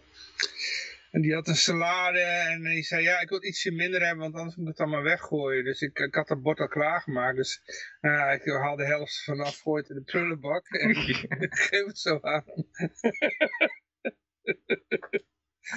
Dat En zag ze ook dat jij het in de prullen- Nee, hij zag niet dat ik het deed. hoor. Oh, oh, oh. Maar Dan, ook allemaal van die mensen die de wereld willen redden. En die gaan dan, eh, ja, doe maar wat minder op mijn bord, anders moet ik het weggooien. Nou, dan gooi ik wel voor jou weg. Maar ik denk dat het in theorie is het allemaal heel leuk van eh, ja, we willen het milieu redden en de planeet en ik ben best bereid. eh, maar wat, wat zij, waar zij toe bereid zijn, is bij het kopen van een vliegticket 5 euro extra uit te geven om een boom te laten planten, zeg maar. En Precies. dat, dat is de, eh, de offers die ze brengen. En ja, eh, misschien een trui aantrekken als je je huis Tesla omzet. rijden. Ja, in de Tesla rijden. Maar als de echte offers komen en er- en dat de 10 graden binnen is en, eh, en je niet meer kunt koken en, eh, en de supermarkten leeg zijn, ik denk dat er dan heel anders tegenaan gekeken wordt. Ja. Ja, Want ze hebben, ze hebben altijd cosmetische, ze zijn altijd met cosmetische dingen bezig, eh, cosmetische offers.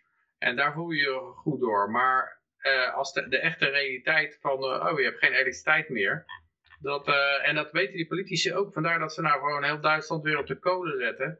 Want ze weten ook als de elektriciteit uitgaat, dan, dan gaan die stemmen gewoon heel snel de andere kant op. En ik denk dat je dan heel snel een soort Forum voor Democratie-achtige partijen aan de macht kan krijgen. Die, die al heel lang er tegenaan schoppen, zeg maar, tegen het huidige beleid. En dat mensen dat dan wel onthouden van, nou, die, die, die eh, huidige lui hebben er een zootje van gemaakt, dus eh, dan ga ik maar eh, over op degene waar ze het meest op afgegeven hebben. Dat Trump was eigenlijk ook wel zoiets, het begin daarvan. Maar niet dat er veel gaat veranderen dan hoor. Nee, nee, dat, dat, dat, dat, dat blijft natuurlijk wel een probleem. Maar inderdaad, dat, dat, dat had je natuurlijk met Trump ook, want ze hebben ook het hele middenkader hebben ze in, in hun bezit. Maar eh, het is wel zo dat mensen gewoon gaan, gaan stemmen op degene waar ze het meest op afgegeven. Oh, Thierry Baudet? Nou, dan gaan we daarop stemmen, want eh, dan, dan zal dat wel een goede zijn. Eh, Maar uh, we're completely baffled.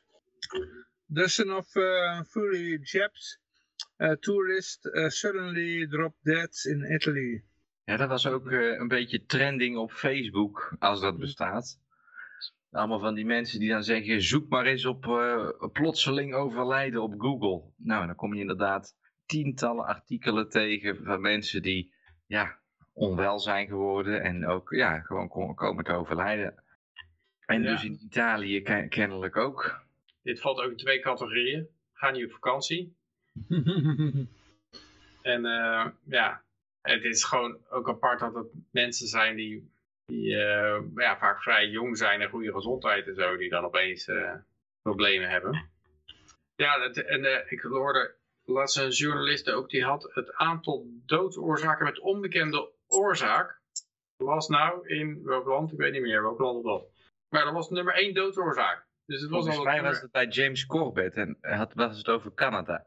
Ja, het kan zijn dat het over Canada ging. Het was niet James Corbett, waar, waar ik het van had in ieder geval. Maar misschien heeft die persoon die, waar, die, waar ik het van zag, was, eh, was iets van eh, een Britse nieuwszender. En eh, die had het daarvoor misschien van Corbett. Maar inderdaad, doodsoorzaak nummer 1 is onbekende oorzaak. Eh, Oké, dus eh, dat is... eh, Ja, ja. dat was in 2019 was het 50 en, en nou dit jaar was het 3300 nog wat. Ja. Precies, ja. ja. Het was inderdaad eh, zes keer over de kop gegaan of zo. Ik weet ook niet meer precies waar het nou was, maar ik heb het ook gezien. Nou ja, en op een gegeven moment wordt het toch moeilijk om dat allemaal onder de tafel te, te schuiven. En mis- ik weet niet wie ze dan de schuld gaan geven. De meeste hebben ze daar ook wel een... eh, ze, zijn natuurlijk druk bezig met alternatieve verklaringen verzinnen. Ik had zo'n zo'n plaatje. Dan zag je ook van de hartaanvallen. eh de, alle, alle dingen die je dan hartaanvallen konden geven. Ja, dat was ook... en daar zat... te- kijken of ik plaatje nog kon vinden. Ehm, ergens eh, hier met Dropbox eh, vers- verscholen. Maar eh, tuinieren, pas op, het geeft je hartaanvallen. En te lang slapen geeft je hartaanval. en dat was zo, hadden ze gewoon een hele, hele rij van die, die bullshit dingen. Hier heb ik de heart, heart attacks. Ja. Heart attack. Does skipping breakfast increase your risk? Lonely older women at greater risk of heart attack. Study shows. Climate change could hurt babies' hearts, study says. Expert warns shoveling snow can be a deadly way to discover underlying cardiovascular conditions, as straining the heart with physical activity could cause sudden death. Mail online, is typische mail online titel natuurlijk zo lang. Dan uh, physical activity increase heart, heart attack, the drink that could trigger a certain cardiac arrest. Little known heart attack st- that's striking fit and healthy women as young as 22. En sowieso dat hele sudden adult death syndrome wat ze nou hebben opgetuigd is natuurlijk ook gewoon... eh, Ja, het is een alternatieve verklaring eh tevoorschijn toveren. Dus eh, als mensen dan denken van, oh ja, dat heb ik gehoord, eh, dat, ja, dat, dat die persoon die, die zat inderdaad vaak te tuinieren. Dus dat, kan, wel- kan wel de oorzaak zijn. Dus ja, het is alternatieve verklaringen bouwen. Dat doen ze eigenlijk altijd, ook als je het hele financieel, financiële systeem, systeem ten gronde richt met je schulden. En dan, dan, richt je de alternatieve verklaring, de joden hebben het gedaan, eh, die ga je van tevoren op zitten bouwen. En dan, eh, ja, dan kan je die gewoon inkoppen. Als het dan in elkaar stort, dan heb je die in de kast zitten. Net zoals de pipeline van de weg.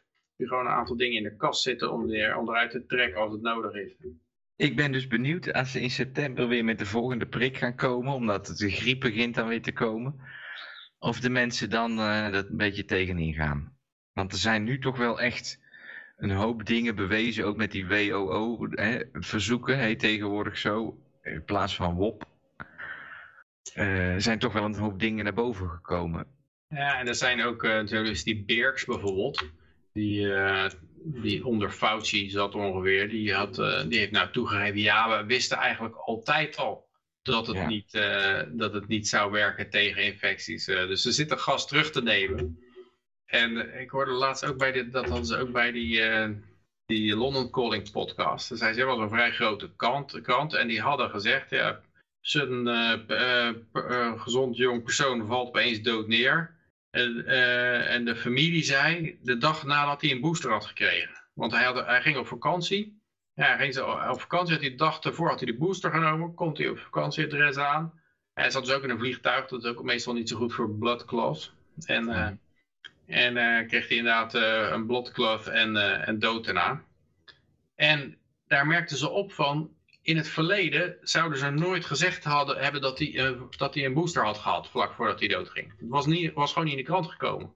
Dus eh, het feit alleen al dat dat gezegd wordt, of dat als de familie dat zegt en dat wordt dan afgedrukt in de krant, dat wil al, al zeggen dat er een ken- kentering is. Er is al een bepaalde omslag dat je dat überhaupt kan zeggen. Mhm. Ik heb ook het idee zelfs dat er op, op sociale media meer mogelijk is. Al die oude dingen van, eh, ja, je mag niet zeggen dat, eh, je mag ivermectin niet noemen of zo. Volgens mij, als je nou ivermectin noemt, zou best wel eens kunnen dat dat... eh, Nou lig ik eruit ineens. We liggen er allemaal uit.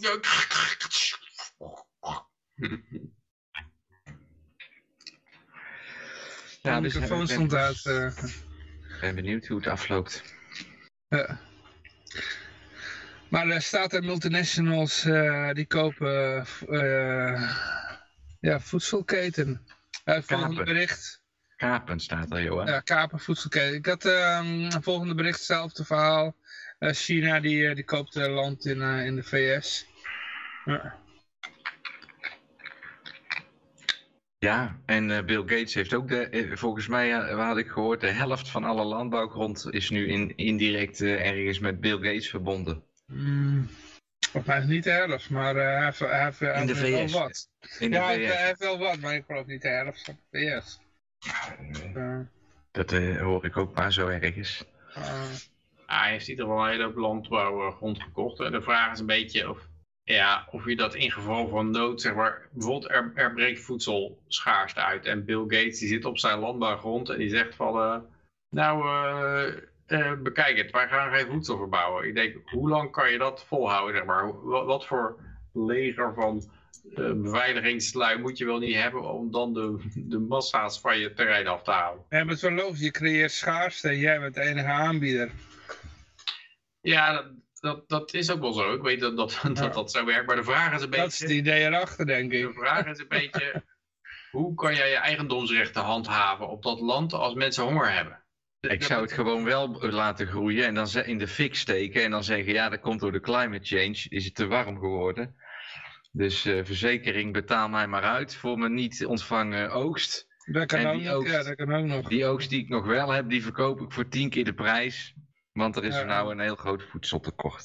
Ja, dat, En dat- dat, dat kan allemaal, eh, je, je kan het allemaal doen, maar ik denk dat, dat als mensen honger hebben, dat ze gewoon het land innemen van, van eh, Bill Gates. Waar hij niks mee aan het doen is, of wat hij in de fik heeft gestoken, of wat hij... eh, ik denk dat, dat, dat, dat ze gewoon het heft in eigen handen nemen. Dat, dat valt wel heel moeilijk tegen te houden. Ja. Uiteindelijk is bij de Sovjet-Unie natuurlijk ook al alle landbouwgrond gecollectiviseerd. En uiteindelijk hebben ze allemaal weer mensen kleine plotjes land gegeven. Ja, ik denk dat het probleem is, als het zou gaan gebeuren op die manier, dat, dat de mensen die dat eh, ga- gaan ondernemen, die kunnen natuurlijk nooit zo efficiënt produceren als dat jij dat georganiseerd als een Bill Gates doet. Als al die mensen in hun eentje wat, wat zaden in de grond gaan steken, dan wordt dat een fulltime job. Want daar ben je dan, eh, daar moet je, daar moet je voorzichtig mee zijn. En terwijl anders dan is dat efficiënt gemaakt door de grootschalige Ja, maar ik denk Opzet. dat, denk dat ja, de Sovjet-Unie je ook zeggen was een grootschalige opzet, dus het moet heel efficiënt zijn. Maar het is centrally planned door iemand die, die andere belangen heeft. Ik denk dat, dat eh, ik denk niet dat Bill Gates als doel heeft om voedsel zo goedkoop mogelijk te maken. Nee, Nee. nee, nee. nee, Nee, precies.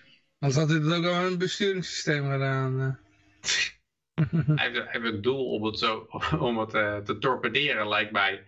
En, de, Mm. en eh, hij heeft natuurlijk heel erg in de eugenicist hoek zit hij en eh, altijd van minder mensen op de aarde. En, En dat meatless meat. Ja, dus ik denk dat hij juist wil voorkomen dat er voedsel eh, gebouwd wordt en dat, dat de markt werkt en, en aanbod levert waar de vraag is. En net zoals ze dat met Nederland proberen te doen. Nou, ik denk wel dat hij veel GMO's kan neerzetten, bijvoorbeeld.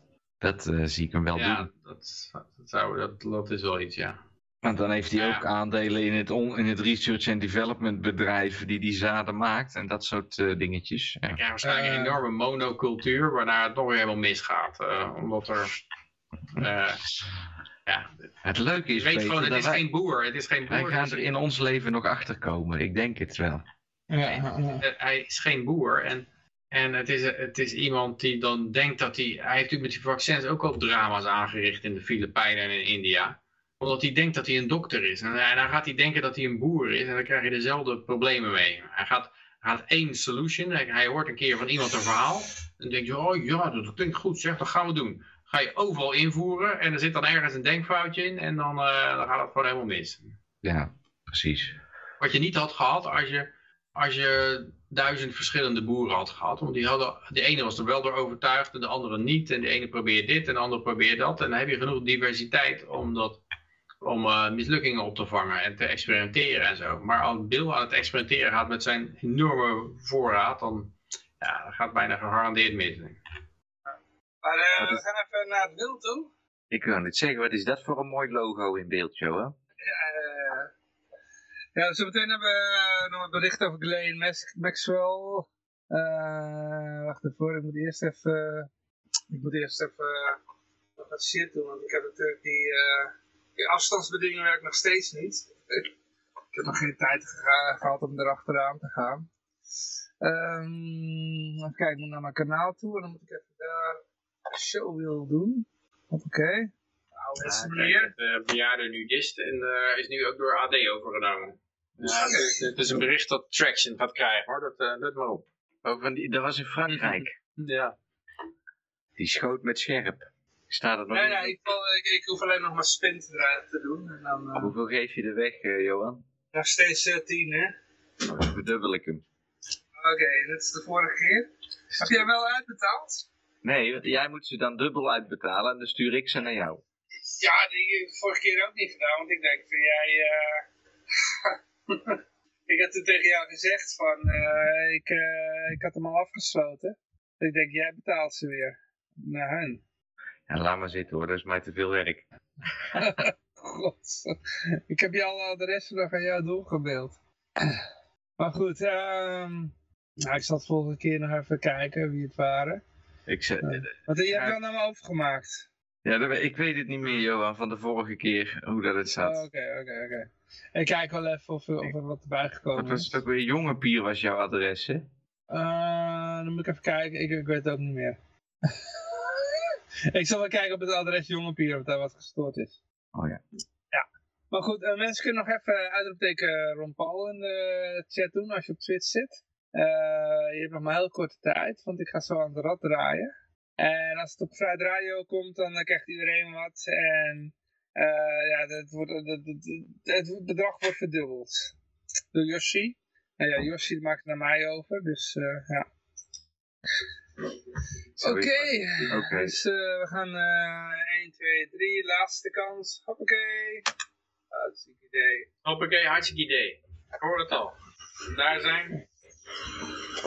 Eh, even kijken, de Flying Henk. Flying Henk is de winnaar, ja. Nou ja, Flying Henk, eh, stuur jouw eh, adres maar even naar me toe. Naar, ehm, gewoon even in, in, in de Whisper in Twitch. En dan eh, krijg jij de doekoe. Ja, oké. Dan wordt het 20 eh EFL's. Even kijken hoor, waarom gaat hij nou niet naar de... Oké, ja, oké. Ja. Eh, goed, ja, dan eh, zijn we, gaan we naar het laatste bericht toe. De ja, het zijn twee, twee berichten horen een beetje bij elkaar. Wel met die Epstein-zaak te maken. Ehm, even kijken. Allemaal van de mail online. Telegraaf in Engeland. Eh, dit gaat over een eh, fotograaf die, eh, die had onthuld dat hij nog wat pikante foto's heeft van Prins Andrew. Sta je nou het China-verhaal over of heb je dat gehad? Ja, dat hoort eigenlijk bij dat andere verhaal. Hè? Dat, Uh, China sunk its teeth into US farmland. Dus Ja. dat is niet alleen Bill Gates, maar ook de Chinezen. Maar dat lijkt me helemaal dom. Je krijgt bij het eerste beste conflict word je natuurlijk onteigend als Chinees. ja, precies. ja. Ja, dat lijkt mij inderdaad ook een beetje riskant. als het uit de hand Die loopt. liggen op de loer, want dan gaat Pelosi die gaat naar Taiwan toe. En hebben ze een hele vloot naar, naar Taiwan gestuurd. Want eh, Ja. China ging forcevol optreden. Ze waren bang dat Pelosi uit de lucht geschoten zou worden. En eh, ja, dat zou Uh, China had ook een waarschuwing hè, naar, de, naar, naar de VS gestuurd van uh, stuur die Pelosi naar, naar, niet naar, ons, naar Taiwan toe. En toen zei Pelosi, ja, ik weet helemaal van niks. Die dus kennelijk haar eigen agenda niet. Ja, Pelosi die krijgt natuurlijk weer eh, COVID. Die gaat echt niet eh, risico lopen.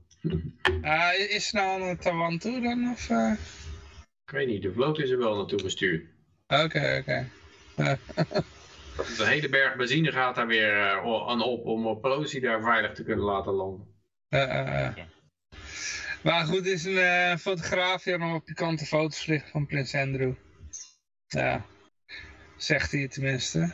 Dus, uh...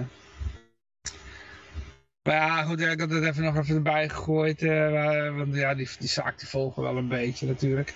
Uh, de andere was dat uh, Ghislaine Maxwell. Die kreeg natuurlijk dezelfde behandeling als, uh, als haar man. Of ja, vriend, wat was het eigenlijk? Vriend. Ik weet het niet. Business partner. Business partner, laten we het zo noemen. Uh, ex geloof ik was het ook. Ja. Ex inmiddels, ja. Ah, hij leeft ook niet meer. Ja, maar daarvoor was ze al ex geloof ik. Dat is een beetje uh, oud. Uh, ze waren bij een beetje oud. Heeft Epstein het uitgemaakt of zij? Weet ik niet. Maar... En zij was zo aan het vluchten met uh, Elon Musk, hè? Nee. Nee, heel. Ja, dus hij, er is één foto. Is Elon Musk daar ook al een leuter in gestopt? Nee, nee, nee. nee, nee. Er is één foto dat Elon Musk heel trots uh, passeert. Maar het is een serie foto's. Dus je ziet van achter dat Glenn Maxwell ziet dat Elon Musk poseert voor een fotograaf. Bij zo'n fotograaf maakt een serie foto's. Hè? Die, die drukt op een knop en dan, gaat, uh, en dan haalt hij de beste eruit. Mm. Dus je ziet eigenlijk die hele serie, staat inmiddels wel online. Dat die Elon Musk wel ziet van, hé, hey, Elon Musk wordt gefotografeerd, laat ik ernaast gaan staan. Dus je ziet Elon Musk gewoon zo staan, die staat gewoon stijf te, te, te passeren. Mm -hmm. En Elon Musk wel zie je van veraf zo steeds dichterbij komen.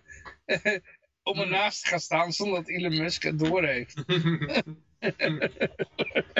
ja, daarom zeg ik ook, die selfies, het betekent eigenlijk niks meer. Al die verhalen. Ja, ja. Kijk, deze, die, die staat op een selfie met, uh, met deze schurk of zo. Dat, dat, dat, uh, zegt, zegt, allemaal niks, want ja, uh, kan van alles zijn geweest. En ja, je gaat niet snel tegen iemand zeggen van, het is net zoiets als iemand een hand geven. Dat weiger je gewoon niet snel. zonder dat je precies weet met wie je te maken hebt. Uh, maar uh, ja, Klim Mesquel die, uh, die gaat weer goed krijgen daar in die, in die cel. Ze mag aan de bingo meedoen en de karaoke en wat hebben ze nog meer daar? Ja, er staat hier trouwens ook dat Newsnight photographer claims to have a picture of Prince Andrew that would... Ja, dat is het vorige bericht dat we hadden, ja. Oh. Nou, dat kan ook wat hoor. ja. Waarop die zweet waarschijnlijk is het dan. Uh. Hoe krijg je die filmpjes in het, de, de, de rechteronderhoek weg zonder dat je naar een andere pagina gedirigeerd wordt? Moet je goed op het kruisje drukken. Ja, maar dan loopt een stukje tekst overheen. Hier. Ja, misschien moet ik het meteen doen. En nu staat het kruisje er nog niet. Hier, hij wil niet weg. Ja, hier. Maar dan, ga je, dan word je naar die andere pagina gedelegeerd. En dan ja. staat er...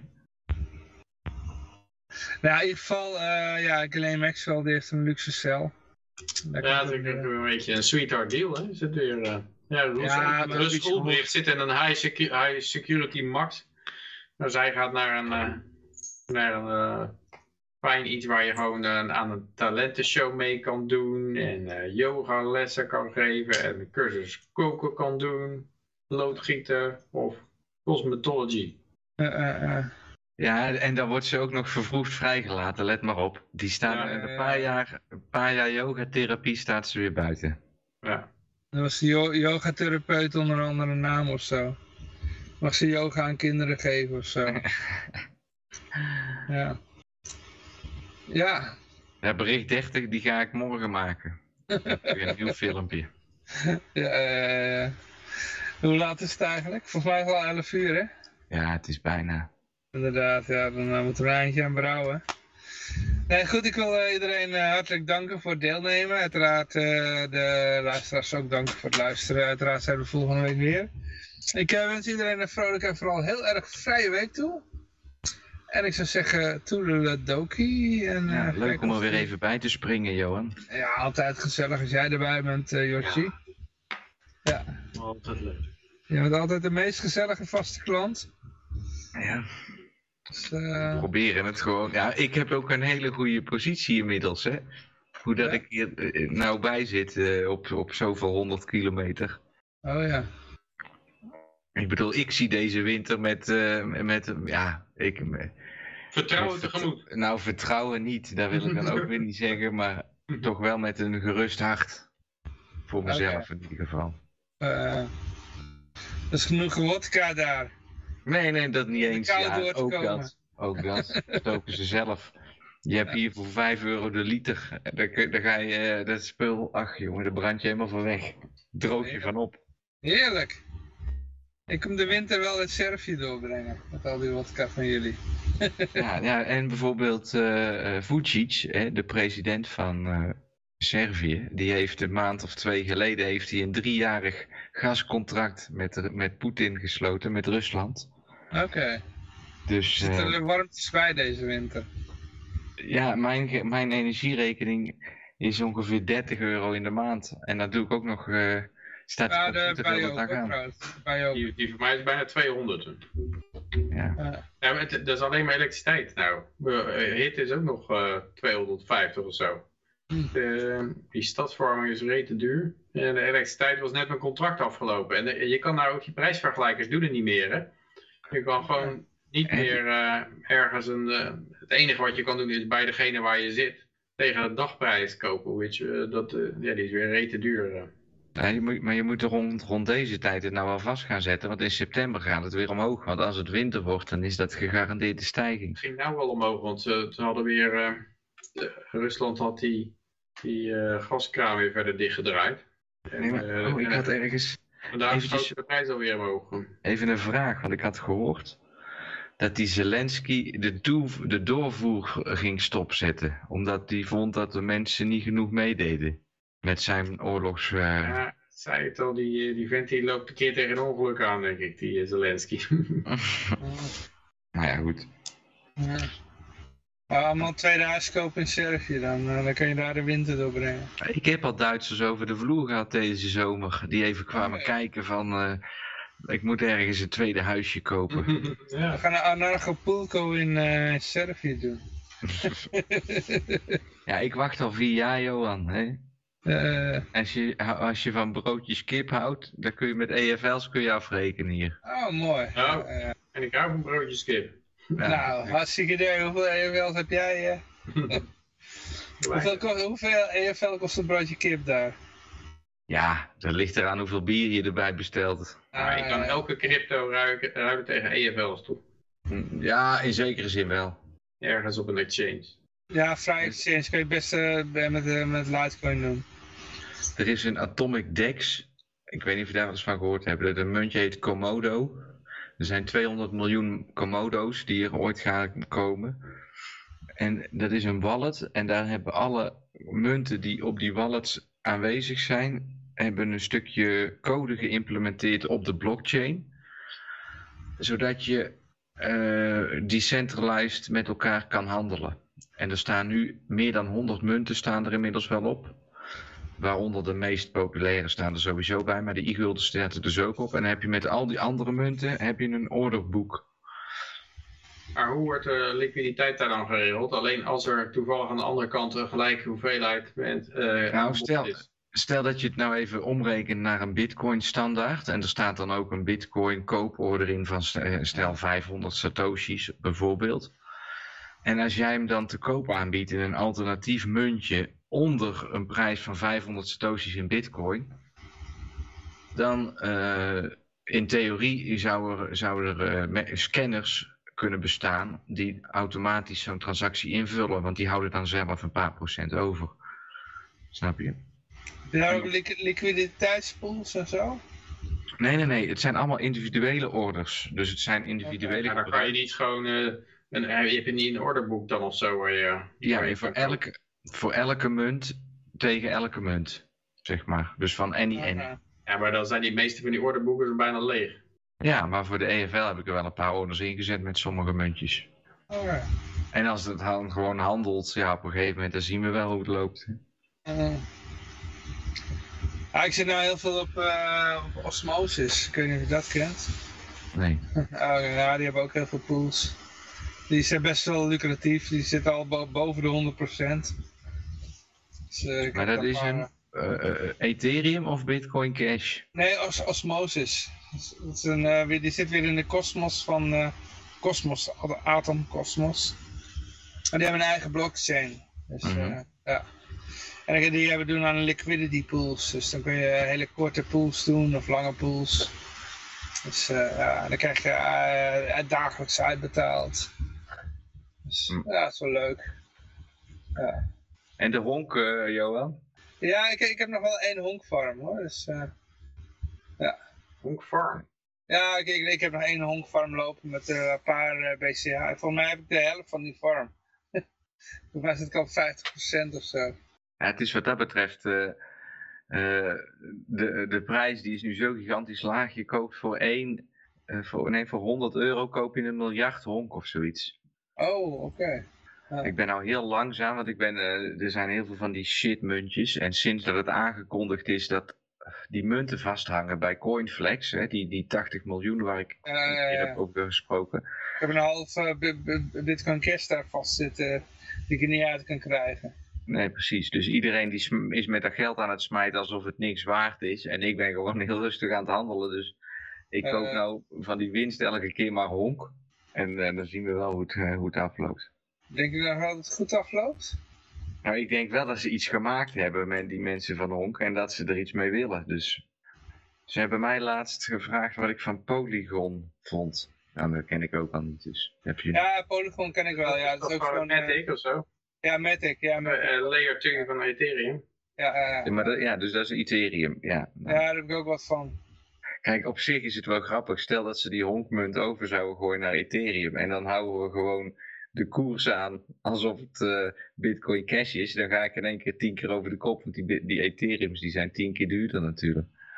Dus dat zou wel grappig zijn als, eh, als ze er wat geld achter zetten en ze lanceren het op Ethereum. In de hoop dat er wat nieuw eh, volk op afkomt. Ja, dan doen ze het op Polygon, denk ik. Ja. Ze, kunnen, ze kunnen het ook op de, in de Cosmos gooien, hoor. Van Cosmos Atom. Dus, Ja, dan moet je eh, een keer dan moet je in, in zo'n Discord kanaal of op ja, ik, ik Telegram. ben geen programmeur, dus ik, Nee, maar dan moet je eh, dat zeggen van jongens, dit is ook mogelijk. En ja, daar gebruik dat, ik dat nou. zullen ze inmiddels ook wel weten. We weten overal waar je een DEX kan maken, dat, dat kennen ze wel, denk ik. Nou, Dus, ik heb, eh, eh, nou. ze wezen met mij naar Polygon, mij. Eh, het zijn allemaal feitelijk dezelfde DEX's, want ik, ik zie bijna geen verschil tussen die, die eh, die ik op een Cardano doe dan eh, de, de- al die andere DEX's. Het, bijna, het ziet er allemaal bijna hetzelfde uit, uit ook qua look feel. Dus eh, ja.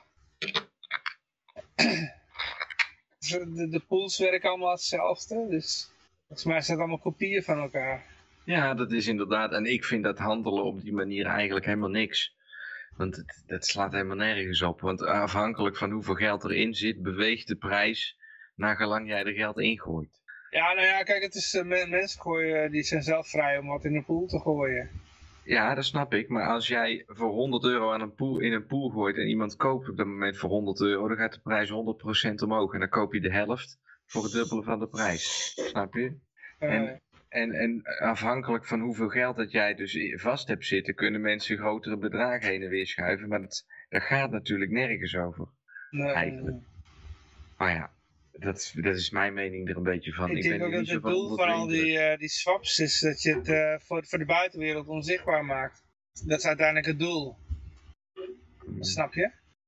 Ja, maar uiteindelijk, nee, maar alles is gewoon zichtbaar. Want elke swap staat in een blockchain. Elke transactie kan je gewoon nagaan.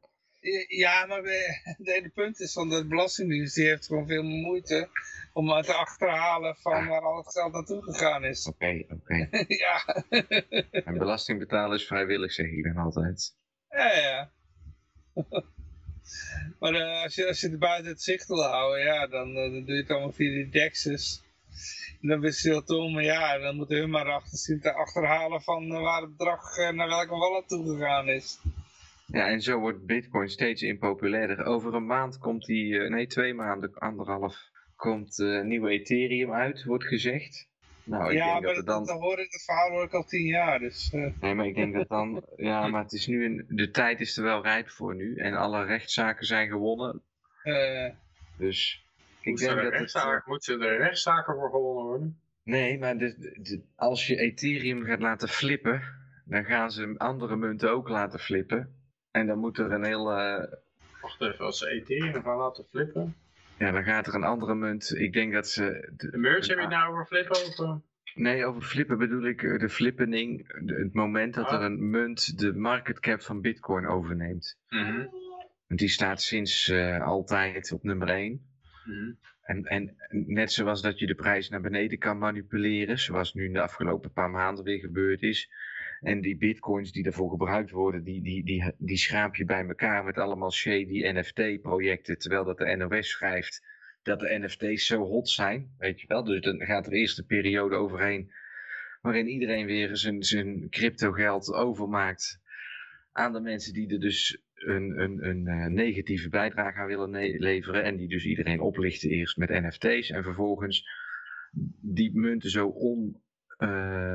economisch mogelijk op de markt zetten. Dus naar beneden manipuleren in prijs. Om bijvoorbeeld uh, wat uh, crypto-leenbedrijven... Vandaag kwam de Biggie Smalls uh, eh, NFT uit, hè? Sorry? Biggie Smalls. Nou ja, ja als ik nog heel even... sinds een NFT. als, als je bijvoorbeeld kijkt naar wat er gebeurd is bij een, als je kijkt naar wat er gebeurd is bij een Luna, dan zie je dat zowel bij Luna als bij bijvoorbeeld een Tether ook, wordt er dan ineens met miljoenen tegelijk geprobeerd om druk te zetten op, uh, op zo'n pack hè, die er gehanteerd wordt. Nou, en de volgende manipulatie naar boven, die gaat dus eh, wellicht via bitcoin, maar ze gaan proberen om die, die bitcoin helemaal niet meer gebruikt te laten worden, want die is uh, milieuonvriendelijk, wordt er dan gezegd. Hm.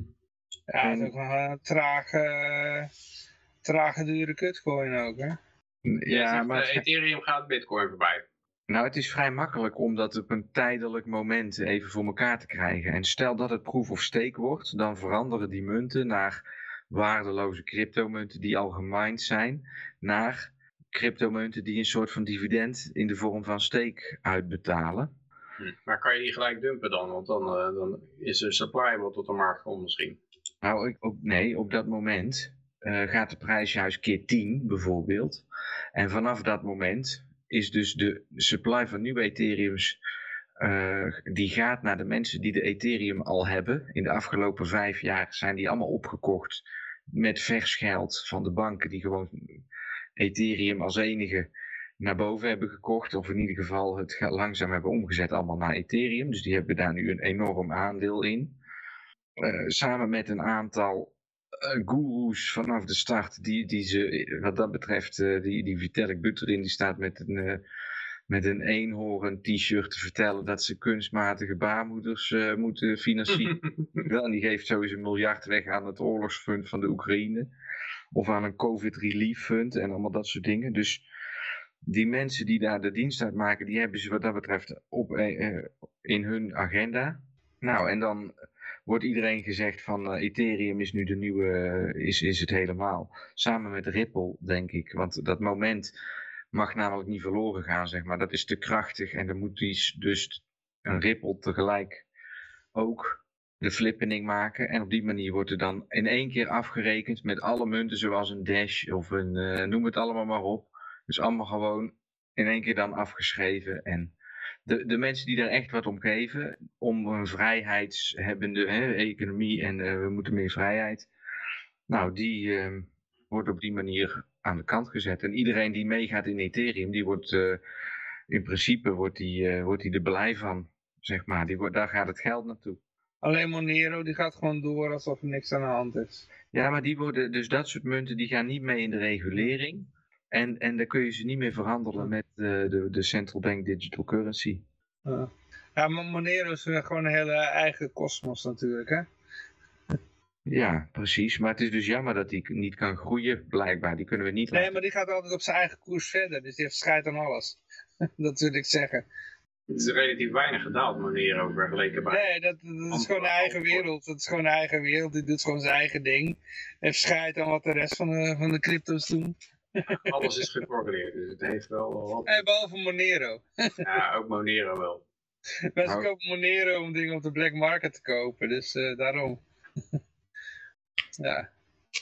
Maar goed, ja, dat is een, een, een idee wat ik zo in mijn hoofd heb. Dus ik weet niet of dat gaat zijn. Het is natuurlijk maar weer de vraag, gaat eh, Ethereum echt inderdaad de swap maken naar proof of stake? Maar ik, eh, Vitalik Buterin die heeft dus deze week iedereen over Ethereum Classic verteld. Van als jullie je miners willen gaan gebruiken, dan gebruik maar Ethereum Classic. Nou, en dus eh, dat heeft hij vorige niet gedaan. Laten En ik denk dus dat als die mensen die nu dit soort verhaaltjes oppikken en daardoor Ethereum gaan kopen, en als dat dan echt keer 10 gaat, nou dan wordt iedereen helemaal lijp om Ethereum. En die gaan ze dan meteen hele Ethereum. snap je? Nou, en dan kan iedereen Ethereum muntjes maken. Oh, wat zijn we allemaal blij dat we dat mogen. Maar ze worden wel allemaal geregistreerd. Want als je er euro's van wil maken, dan wordt het gewoon allemaal, moet je het allemaal opgeven. We hebben over de de afgelopen vijf jaar niet voor niks eindeloze teams aan mensen opgezet. Ja, dan kan je nog wel op decentrale markten kan je nog steeds Ethereum ruilen voor, voor andere soorten dingen. Monero's. Natuurlijk, de vraag is dus, blijft dus van, op een gegeven moment komen ze achter een bepaalde website en dan zeggen ze, u moet eh, uw website stopzetten of in ieder geval, nou, Ja, denk je dat het meer eindigt? Dat, eh. Nee, maar ik denk wel dat vanaf eh, september helemaal, eh, ja, dat er een soort van flippening in wordt gezet die dus alle, nou, die een, grote kwakkerij, eh, er, er zal ook wel wat covid overheen gaan, maar dat wordt het grote verhaal denk ik, dat er een nieuwe crypto, bitcoin heeft overgenomen. Dat verhaal wordt al heel lang voorbereid en ja, Ja, maar aan de andere kant eh, van, van Bitcoin is ook bekend dat die miners de, de SEC hebben omge eh, SEC, de Security and Exchange Commission, eh, omgekocht hebben. daar weet ik niks van. Oh ja, nou, dat, verhaal, dat verhaal met die Ripple case.